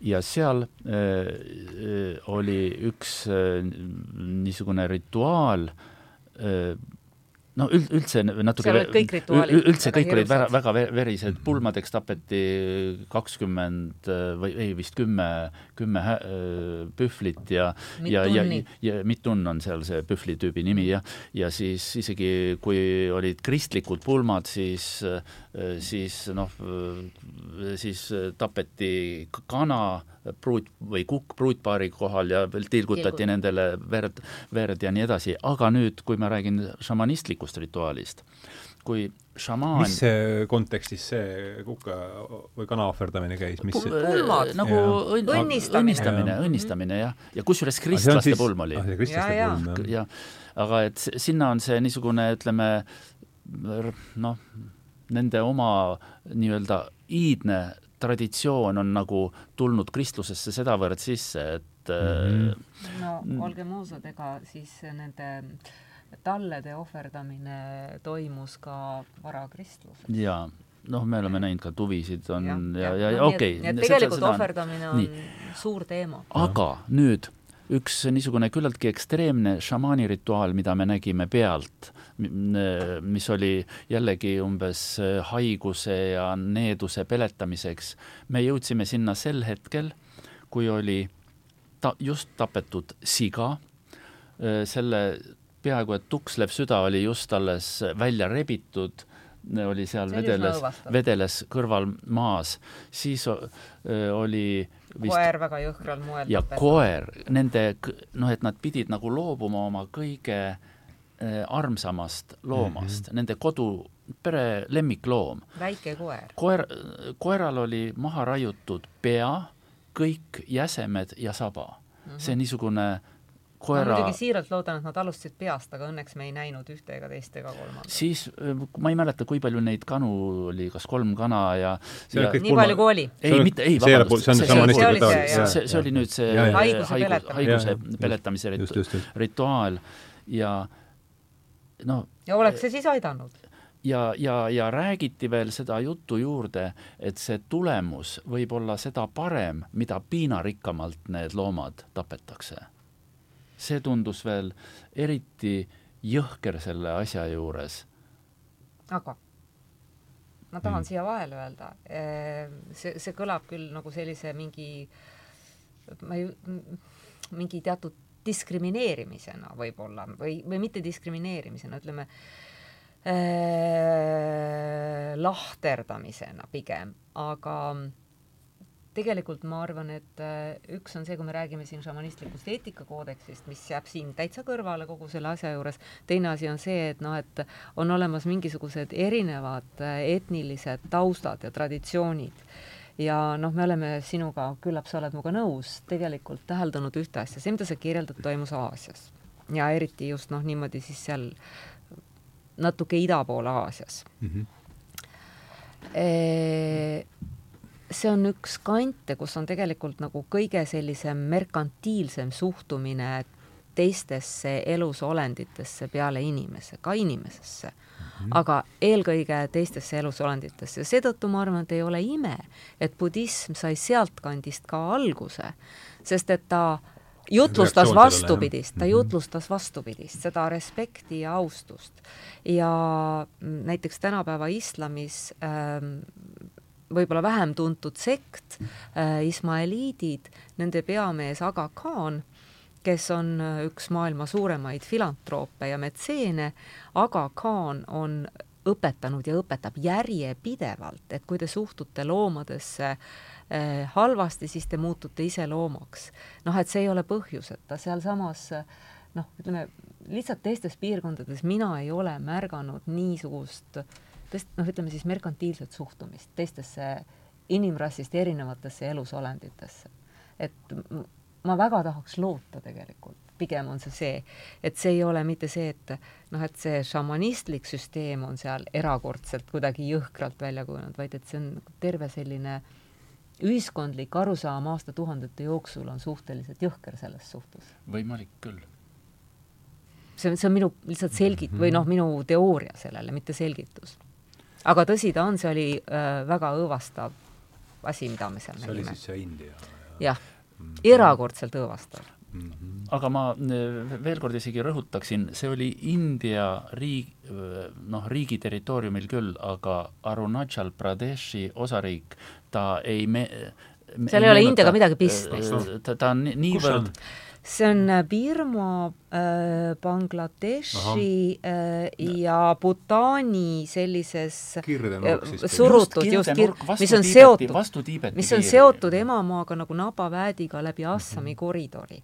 Ja see on tema ainus seos, noh üldse nagu see on, et ta on selline imelik moodustis ja Mhm. need inimesed, kes See seal elavad, nad mitte kuidagi ei meenuta mitte ühtegi indialast, mitte kuidagi. Ja neil on äh, Religioone- konstitutsiooni ähm, parandus number üks, mille alusel nad võivad elada mis iganes oma selles koodeksis ja elavadki. See Neil on- ei, neil ei kehti India põhiseadus. seal on mingisugused viis osariiki on minu meelest, vot mis jäävad nagu, vot Indiast on nagu mm. -hmm. ida pool Bangladesh, nad jäävad sinna Bangladeshist veelgi paremale poole Mhm. mm. -hmm. seal on, eks ole, Assam oma ühe osaga, siis on ma-, ma-, Mani-, Manipur. Nagaland, kas tri- Arunachal ja, ja kas Tripura või Ei, mingi mingi, mingid ühesõnaga jah, mitu osariiki on seal ja nad on väga teistmoodi mm..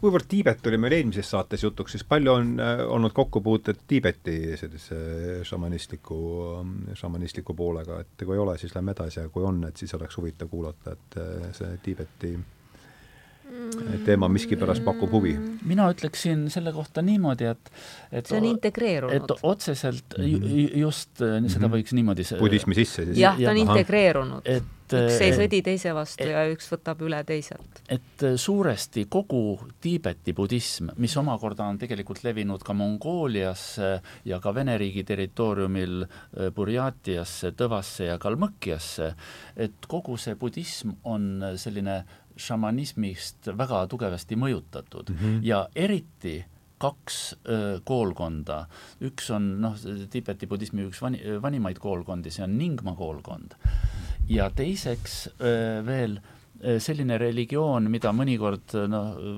niimoodi isegi öeldakse, et see on peaaegu et Tiibeti budismi viies koolkond, aga noh, siiski ta on nagu erinev re religioon, see on bönn.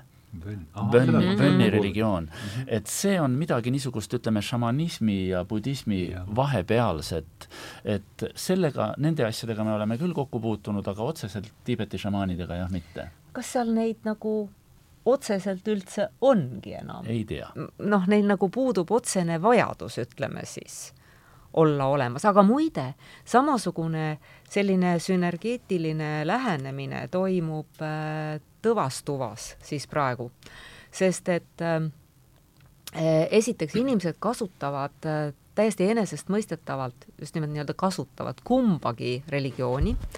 kui on äh, mingi väiksem probleem, siis minnakse budistlikku templisse ja palvetatakse seal ja räägitakse mungaga ja kui on mingisugune suur probleem, siis kutsutakse kohale šamaan.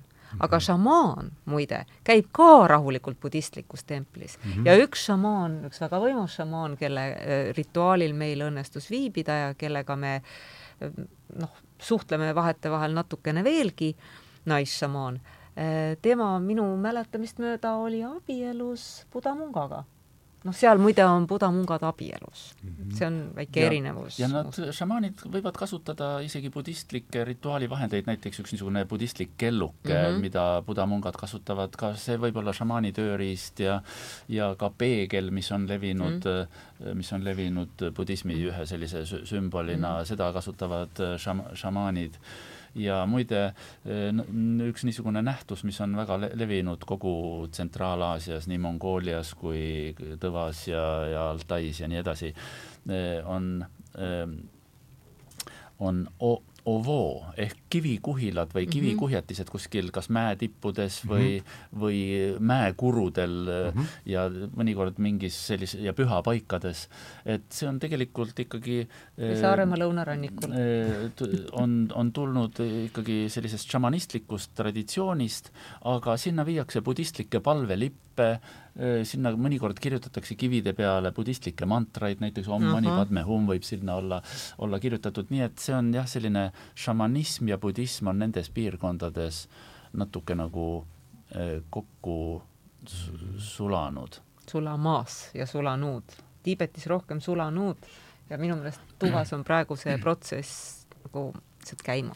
muide, ühe niisuguse huvitava võib-olla kõrvalepõikena, sa, sa nimetasid seda äh, Tõva äh, naisšamaani, Hovalõgma on mm -hmm. tema nimi, ta on noh, must šamaan, ka tema õde on šamaan, tema äh, õde on valge šamaan mm. -hmm noh, kui jaotada seda niimoodi kaheks, aga et kuidas me üldse niisugusele nii vägevale šamaanile ligi pääsesime, seda on tegelikult mm -hmm. päris äh, raske, noh, ma ei kujuta ette, et me oleksime võinud temaga no, otsingute üldse, käigus mitte. üldse kokku saada mm, -hmm. aga nimelt mm -hmm. ilmselt äh, noh, paljud on kuulnud Siberi Jeesus Kristusest jaa, te seda, seda seeriat ma ei jõudnud veel vaadata, aga mm -hmm. ma olen äh... ja, ja me kohtusime ka temaga, noh, aga see on teine, see on teine teema, teema.. see on omaette teema veel, jah, see mm, äh, aga selle Siberi Jeesus Kristuse noh, niisugune parem käsi absoluutselt kogu selles äh, nii-öelda kogukonnas number kaks mees, tema nimi on Vadim, Vadim, Vadim Retkin.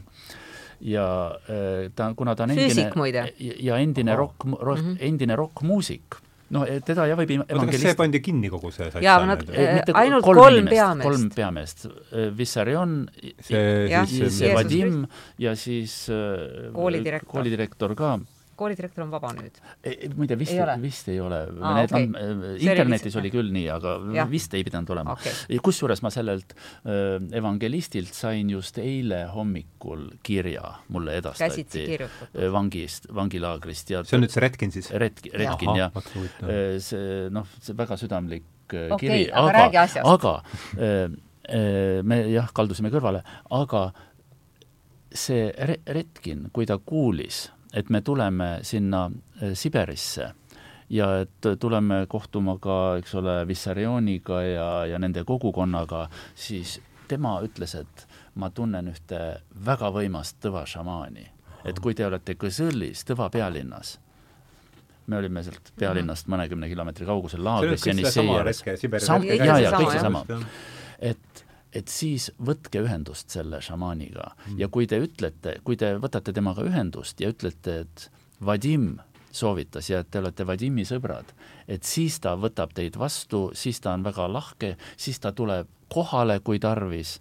ja tuligi. ja, ja tuli, tuligi, sõitsime talle pea, nii-öelda pealinna Kõselli järgi ja viisime ta meie laagripaika sellesse kohta, kus kaks Jenissei jõge äh, äh, ühinevad ja seal siis see rituaal toimus. see on iseenesest vägev koht, ma kujutan ette mm., kus need jõed kokku saavad. aga see proua oli muidugi täitsa uskumatu, eh, noh see, mis ta šamaanina on loomulikult uskumatu, aga tema elusaatus oli ka päris naljakas. et ma ei saa sellest kuidagimoodi mööda minna, et ta oli töötanud, vot tema oli nüüd ehe näide sellest, et nagu ta ütles, et lapsepõlvest peale ütles, et ah, mul olid kõik igasuguseid nägemusi, aga noh, jätsin selle sinna ja tänna, tuli endaga toime, käis kooli läbi, eh, siis töötas natu-, eh, õppis juurat, natuke aega töötas uurijana ja siis oli ta prokurör pikki aastaid oh,. No kidding. jaa ta oli pikki aastaid prokurör ja siis eh, noh, ikkagi ütles, et prokurör, šamaan, see on päris hea kombo. ja siis oh,, see võis väga hirmus olla, sellepärast et ja uurijana veel hullem, ma ütleks uh. -huh. teate, väga raske oli mõnel ilmselt pääseda aga siis ütles, et äh, noh, et äh, ma pean teenima. ja siis ta oli noh, loobunud oma sellest riigitööst selles mõttes, et ma pean teenima, teenindama, teeni-, teenima rahvast, teenima inimesi. Et äh, noh, ma enam ei saanud töötada, sellepärast et äh, no vot siis, et noh, nii, niimoodi tagus kuklas. aga ta ei olnud mingi psühhopaat selles mõttes, noh muidu võib mõnele igal, igalühel võib pähe tulla äkki mingil hetkel, et äh, ma pean kedagi teenima ja ma olen välja valitu, aga lihtsalt, lihtsalt see läks nagu väga keeruliseks juba lõpuks, et mm -hmm muide, et nüüd ma töötan ainult šamaanina. üks väike detail veel, mis äh, nagu äh, ei ole iseloomulik mitte üksnes temale, sellele naisšamaanile Hovalõgmale, vaid, vaid, vaid üldse. kui ma võtsin temaga ühendust ja ütlesin, et ma olen Vadimi noh, hea tuttav ja et Vadim soovitas ja noh, et see on meil nagu selline ühine, ühine liin, mis meid kokku viib, äh, siiski ta ei olnud, ei öelnud, et jah, et ma nüüd tulen ta ütles, et ta peab oma peremehelt küsima.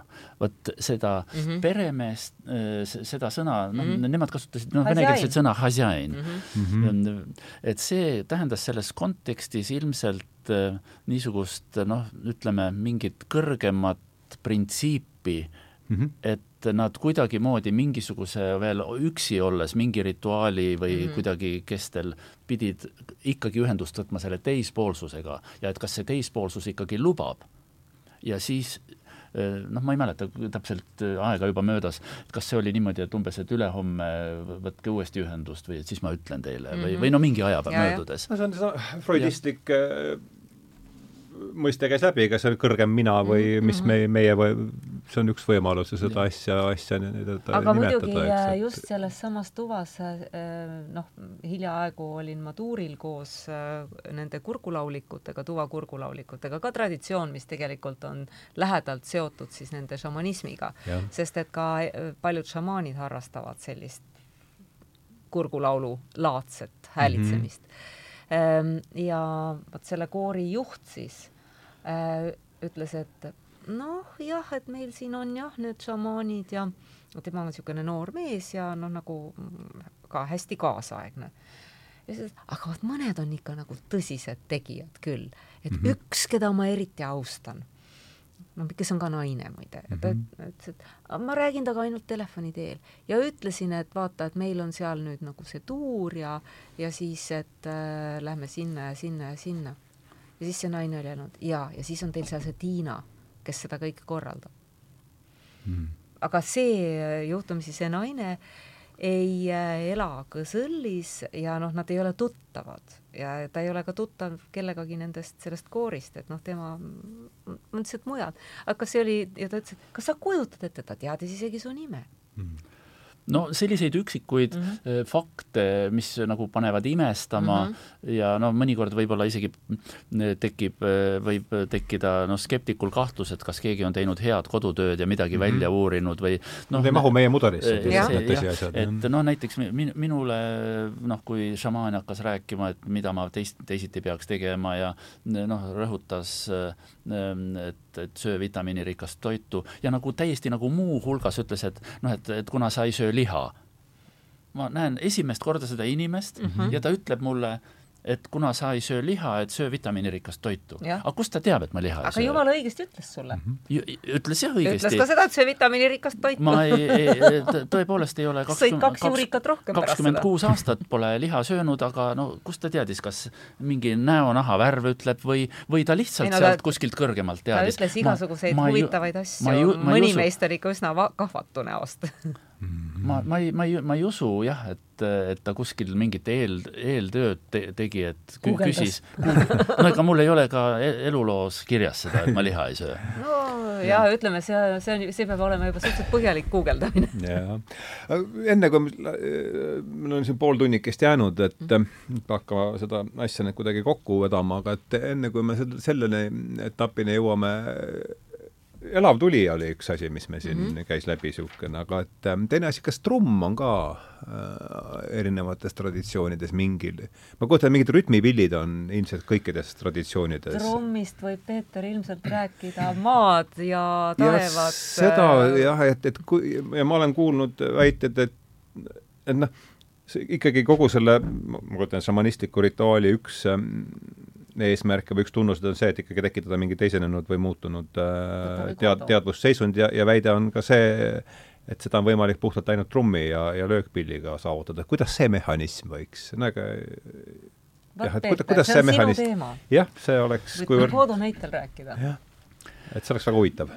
no võib-olla mm, Kodo on rohkem sinu, sinu, sinu teema, kuigi no, ma olen muusik. kes on Kodo, see on juba see on Jaapani ansambel, jah. ja, ja, ja aga see on väga ja. hea näide, sest nad on väga ehedalt võtnud kogu selle asja üle ja vaata, kuidas see mõjub inimestele tihtipeale Mm -hmm. tõepo-, tõepoolest, trumm on, kusjuures noh, šamaani trummina me sageli kujutame ette just seda Siberi tüüpi yeah. trummi, mis on raamtrumm mm, -hmm mõnikord teatud kohtades võivad olla sinna mingid kõristid veel ka külge pandud, mis helisevad kaasa. aga üldiselt äh, mingisuguse nuiaga või sageli valmistatakse see jänesekäpast veel või, või mingi mhm. loo, looma noh, kus on veel isegi karusnahka on natuke seal, et, et ta ei ole siis võib-olla nii, nii terava niisuguse löögiga, et ta on selline suhteliselt pehme ja tänu sellele tekitab äh, hea trumm tekitab üs, ka üsna madala heli mm. -hmm selle madala heli osas on tõepoolest Aasia rahvastel mm, väga erinevaid, erinevaid selliseid, ütleme, võib-olla fantastilisi teooriaid.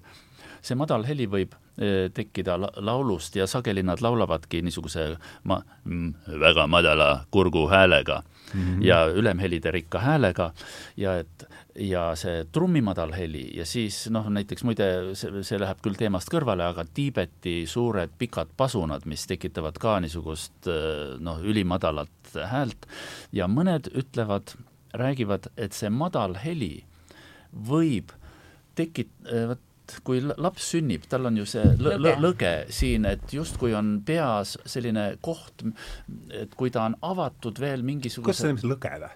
Lõge, ei ole kuulnud? no jah. jumal Teil pole olnud väikseid lapsi viimati ilmselt.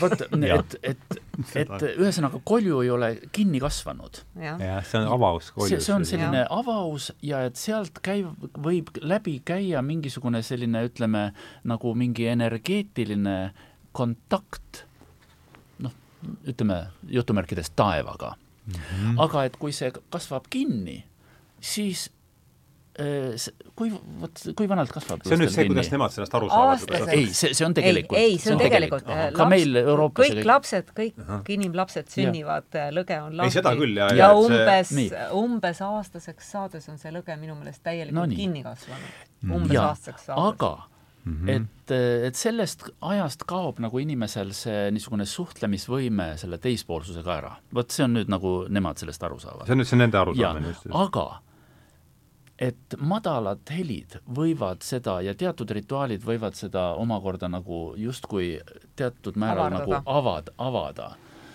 ja, ja et, et selle abil on võimalik nii-öelda kui inimese sees on noh, teatud traditsioonides no mingid tšakrad või energiakanalid või et need saavad taas nagu ühenduse teispoolsusega mm -hmm. ja trummimäng võib selleks kaasa aidata. kas nad lähevad selle vibraga siis nii alla, kui me veel tajume seda, mingist hetkest me ei taju vibratsiooni enam helina, eks nad üritavad siis selle trummiga sinnakanti nii võimalik tõesti, aga siin on, trummil on muidugi veel ka teine funktsioon, et kui tegelikult äh, retsiteeritakse mingeid tekste või noh, ütleme laulmiseks on seda võib-olla natuke palju nimetada, aga noh, noh, šamaanid ikkagi noh, loitsivad, ütleme no, niimoodi. mingi, mingi lit, liturgiline selline loitsimine, chanting käib. Ja, ja, ja kui see käib teatud rütmis, no eks ole, tan-tan-tan-tan-tan-tan ja kui see šamaani trumm ka lööb, siis see nagu aitab veelgi paremini nagu rütmis püsida ja nagu võimendab justkui selle mõju. ja kui sinna sellega kaasneb veel ka niisugune tantsimine või liikumine, siis siis noh, šamaanitrumm on lihtsalt ka kui muusikainstrument siis, et või isegi kui tal ei ole seda funktsiooni enam selle madala heli kaudu, kaudu nüüd mingisuguse energilise kontakti loomist, siis vähemalt rütmipillina, kuulge, ega ööklubides ka ikkagi see -huh. tümps on ju niisugune ja, väga oluline, et rahvas läheks eks, ekstaasi, nii et see on ka nende puhul, aga siiski sellel on puht füsioloogiline teema ka, seda sa võid paremini rääkida äh,. ülimadalate helide puhustav jõud. Äh, muidugi, ma olen nende ülimadalate helide kohta kü-, kü-, küsin, küsinud ka buda munkadelt ja väga niisugustelt noh, ütleme kõrgetelt buda munkadelt ja ja ja äh, aga on ka täiesti teistsuguseid vastuseid, ühelt küsisin, et kas see ikka on niimoodi, et see madal laulmine ja madalad helid avavad siis mingid kanalid ja noh, ma ei tea, ilmselt äh, niimoodi raadio ja videoeetris ei ole soliidne öelda, aga noh, selle munga vastus oli this is bullshit mm. -hmm ja sellega oli nagu kõik, kõik öeldud. aga nüüd šamaani trumm siiski ei ole lihtsalt kui trumm, kui muusikainstrument, mis on võrreldav noh, näiteks ma ei tea, rokkbändi mingi rütmigrupiga, rütmigrupiga või näiteks kui me läksime sellele noh, juba täna palju kõneks olnud ekspeditsioonile neli aastat tagasi, aastal kaks tuhat kaheksateist Siberisse, siis ma küsisin oma nooremalt pojalt Johanneselt, et Johannes, mis sa tahad, ma, mis ma toon sulle Siberist kingituseks või, või kuskilt sealtkandist ilma järele mõtlemata ta ütles, too isa, too šamaanitrumm mm. -hmm. ja selle ma tõin. ja Altaist ostsin selle noh, niisuguse umbes poolemeetrise läbimõõduga, mulle nagu kõla järgi tundus ja ka visuaalselt tundus see väga, väga väga ilus, noh, hästi niimoodi ilus nah-, nahk on kõik täis joonistatud ja aga siis näitasin seda pärast äh, sellele Altai šam-, šamaanile see oli nüüd meesterahvas, see enam ei olnud naisšamaan, ma ei, kahjuks ei mäleta ta nime, võib-olla sina mäletad? ei. ja, ja, ja küsisin äh, nagu, et kas ma seda trummi ja kas mina ja minu poeg tohivad seda trummi üldse, kas me tohime kasutada, et äkki see on ikkagi selline nagu püha noh, rituaalinstrument mm. -hmm. ja tema ütles, proovis seda ja vaatas ja, ja ütles niimoodi, et, et see on väga hea meistri tehtud mm, -hmm. see on väga kvaliteetne trumm, aga et see on lihtsalt trumm, see on lihtsalt pill, see on muusikainstrument, aga äh, te võite nimetada seda šamaanitrummiks, aga temasse noh, et ta selle proovimise ja nii-öelda katsetamise järel sai talle selgeks, et sinna pole ükski võimas šamaan väge sisestanud. ütles, mhm. et sellega noh, te võite mida iganes teha, näiteks ma ei tea, mu-, muusikat teha, aga et selle abil ei ole võimalik, et see ei ole šamaani tööriist. sellega mm -hmm. ei mhm. saa saavutada seda, mida šamaan tavaliselt oma nii-öelda tööriistana kasutusel oleva trummiga teeb.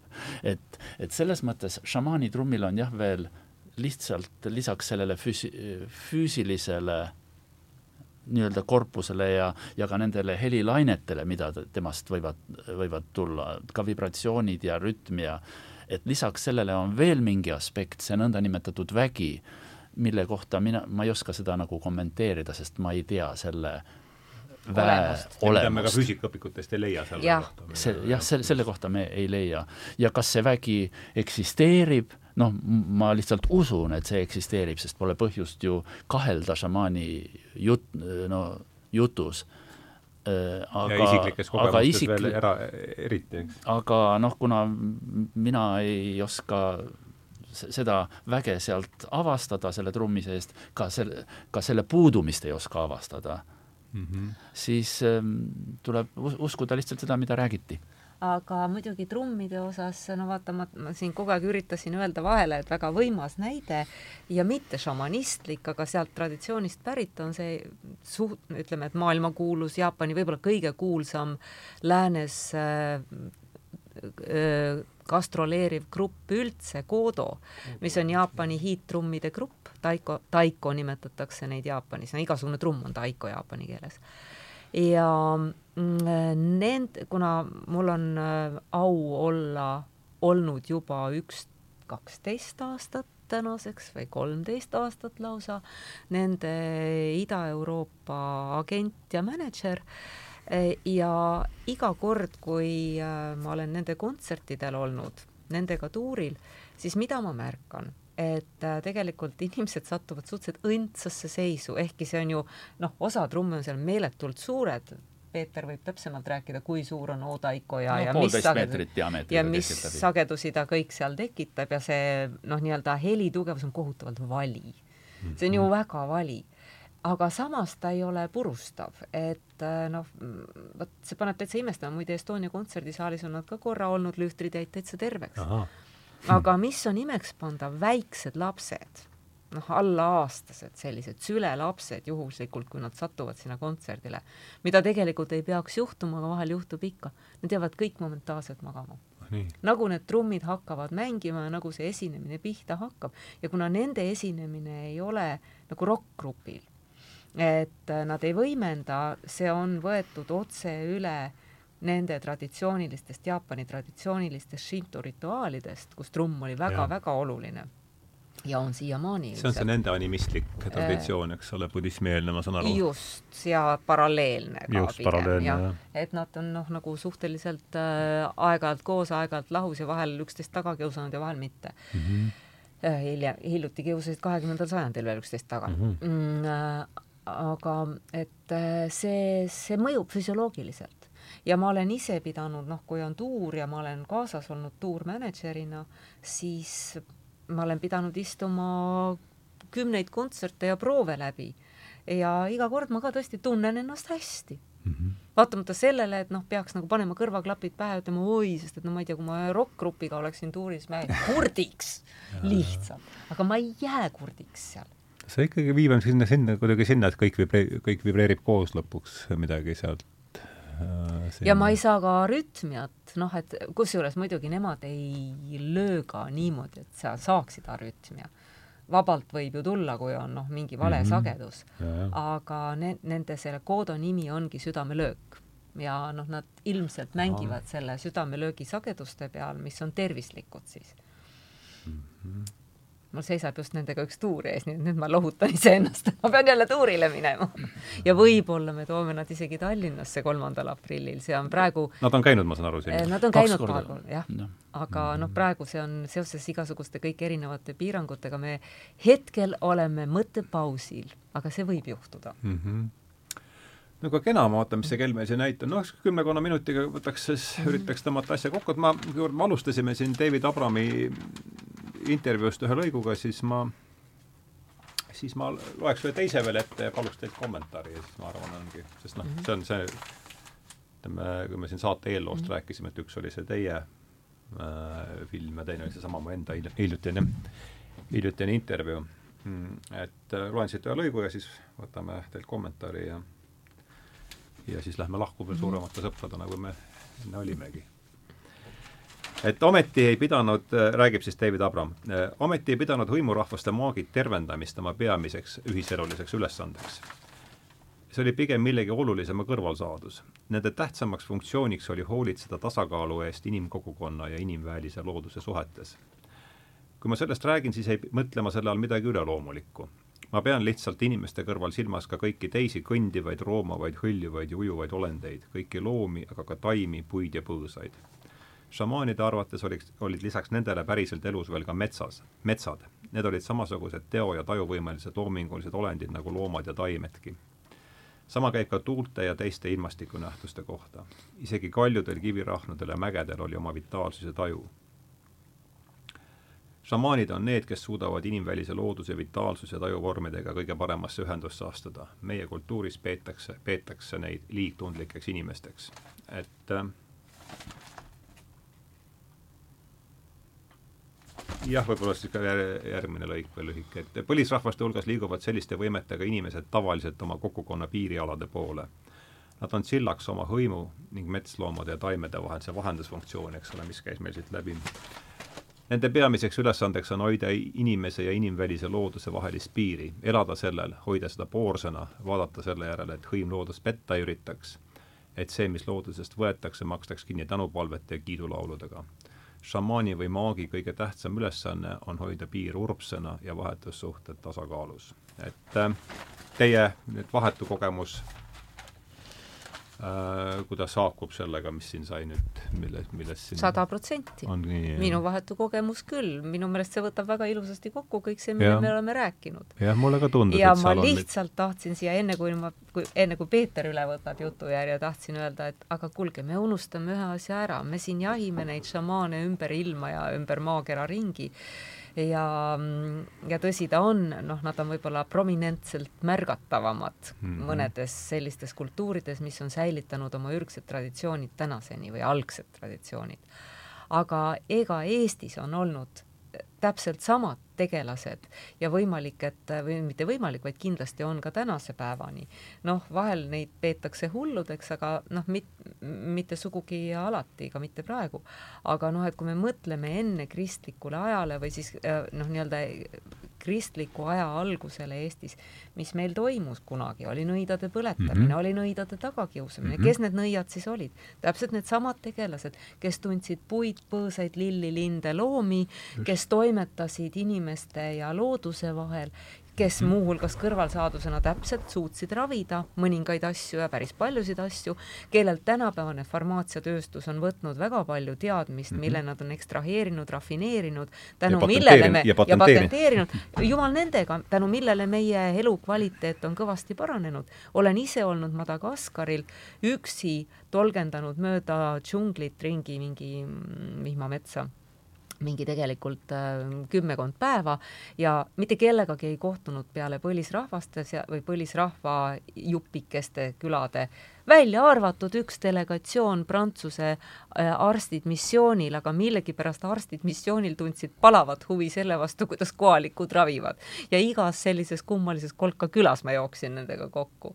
noh, ühesõnaga, ma arvan, et neil oli ka oma väike teadusülesanne seal kõrval ja jumal nendega ja väga tore sest et äh, Madagaskar teatavasti omab suurimat liigistikku äh, mida kasutatakse tänapäeval veel nende noh, nii-öelda traditsioonilises ravis.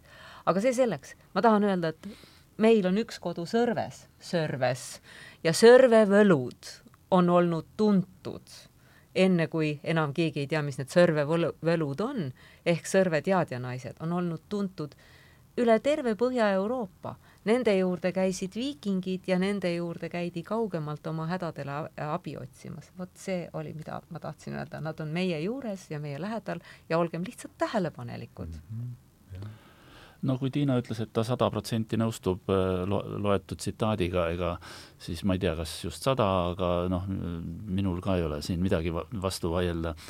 kusjuures nagu ma kuulsin sõna šama-, šamaan selles tsitaadis, siis mul tuli vist meelde, kui, kui sa ennem küsisid, kuidas oli Ado Lintropi raamatu nimi mm. -hmm. mulle tundub nüüd seda sõna jälle kuuldes, et selle raamatu nimi oli šamaani raamat. ma arvan, et see on šamaani raamat Ehm, ja ja võib-olla niimoodi eh, noh, tundes, et meie vestluse lõpp hakkab, hakkab, hakkab lähenema, eh, tahan veel kord öelda, et, et, et et mõnes mõttes nagu va vabandavalt. Jah, et me oleme küll palju näinud äh, ja kuulnud ja kokku puutunud äh, äh, noh, selliste inimestega, keda võib tinglikult paigutada kategooriasse šamaan, aga siiski me pole etnolo-, etnograafid ega folkloristid ega antropoloogid ega pole ise nõiad, noh, mina olen, mina olen mu, mu, mu, mu, muusik, Tiina on, eks ole, hariduselt filo-, filoloog ja nii-öelda muusika mänedžer või produtsent, mina helilooja, et selles mõttes see ei ole meie eriala ja, ja või, võimalik, et et me oleme paljudest asjadest osalt ka keelebarjääri tõttu. Mm -hmm valesti aru sa saanud. Ja et kõik, mida me siin täna rääkisime, see ei pruugi nii-öelda päris adekvaatne jutt kõik olla ja ja siin, kui isegi olen suhu võtnud mõningaid võib-olla tõva või mongolikeelseid sõnu, et ka selles oleme võimalik, et me eks-, oleme natuke eksinud, et et kallid kuulajad, vaatajad, et kontrollige meie meie väited. meie juttu, et ärge kõike veel sajaprotsendilise tõena võtke. no te olete käinud ise kohal ja näinud, mitte lugenud asjast raamatutest. no me oleme seda on, ka teinud. ma tahaks siiski öelda seda, et no, lisaks sellele lisaks sellele, et ühe tiitli ma riputaksin endale külge siiski juurde kõigile, mis sa mulle äh, siin enne ette ladusid, mõne võtaks sealt maha, aga ühe riputaks juurde, ma olen hobiajaloolane, mis puudutab Aafrika mm. kolonialismieelset aega. Nii et selles mõttes ma arvan, et see noh, need võrdlused, noh, ma ei ole elanud kolmsada aastat tagasi, viissada aastat tagasi ega, ega tuhat aastat või kauem aega tagasi, need on ikkagi loetud. Jah, mulle tundub, lihtsustada maailmapildis on viimastel aegadel seda niimoodi vaadanud, et kui meil on niisugune üks, üks operatsioonisüsteem, modernism ja ja sellel on siis kaks äh, äppi, äh, sotsialism ja, ja noh, võtame, nimetame seda siis praegu kapitalismiks, et üks, üks äpp hangus siin veel meie eluajal, teine on hangumas võimalik, et praegu, et et, et mis neid, mis neid mõlemad siis seda jällegi nimetame siis paremalt Modro, Modro A ja Modro B, et Modro A äh, sulgus meil siis siin üheksakümnendate aastate või jooksis kinni üheksakümnenda aasta alguses, Modro B on siin, tundub kinni jooksmas praegu, et mis neid ühendas, on ikkagi selline kõrk ja, ja ül-, ülbe suhtumine nende samade äh, tarkuste vastu, millest me täna, millest me siin täna oleme rääkinud, et et kus te arvate, kus see, viimane küsimus, et kas te olete sellise tõlgendusega nõus ja ja, ja kust see tuleb ja kuhu see meid, kuhu see meid viia võib? ma olen absoluutselt selle tõlgendusega nõus, et see on võib-olla üleolev suhtumine nendesse vanadesse tarkustesse, aga mm, võib-olla ka niisugune, ütleme, filosoofiline kogu elu ja progressi äh, äh, arusaamise püstitus on olnud vale et on arvamus olnud, et me liigume kusagile kõrgemale, parema poole, ka, ka sellega seo-, seostub ka niisugune enamtarbimine, rik-, rikkus, aga, kõik kasvab. et kõik kasvab, aga ja, ja, ja et ähm, planeet Maa, et see on mingi selline noh, ütleme mingi noh, meie nagu lõbuks ammendamatu va, va, vast, vast, ladu, vastand, vastand meile, aga me ei ole tunnetanud, et me oleme selle osa, et, et see kõik on niisugune, ütleme, elav tervik, ka need kivid, puud, kõik asjad.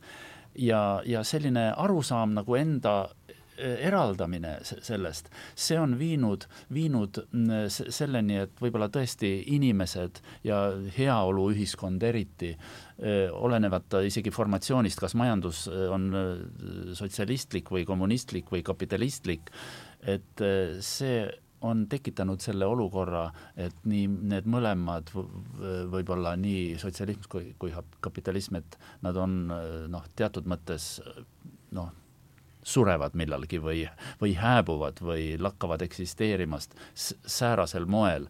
ja väga võimalik, et see seondub ka nende teemadega, mida mõned nimetavad noh, maailmalõpu teooriateks, mis ei pruugi olla selline kosmilises Mhm. Kosmogoonilises mõttes mingi plahvatus, aga millest me oleme ka rääkinud sellesama Siberi Jeesus Kristusega, aga need on juba eraldi põhjalikud teemad, see, see ei mahu siia minuti sisse ära. ma lihtsalt tahaks öelda viimase lause, täiesti lame eh, või absoluutne lamedus, aga et areng käib spiraali mööda mm. -hmm. et me võime üritada mängida individualistlikku põgenemist erinevatesse formatsioonidesse, modrudesse üks, kaks, kolm, neli ja viis ta tuleb siiski, see mhm. kõik tuleb tagasi ühtpidi või teistpidi ja noh, ütleme, meil on seda kõike ilmselt vaja olnud mm. -hmm. mis ma muud oskan öelda? ju me oleme pidanud need faasid läbima. isegi ja. ka meie ise kui indiviidid. Mhm. sest muidu me ei saaks sellest aru, millest me siin räägime jah, noh, see arengutsüklilisus mm. on selges vastuolus idee arengutsüklilisusest ja korduvusest mm., sellest kõik kordub, on, on selges vastuolus selle juudikristliku ideega, et see läheb niimoodi no..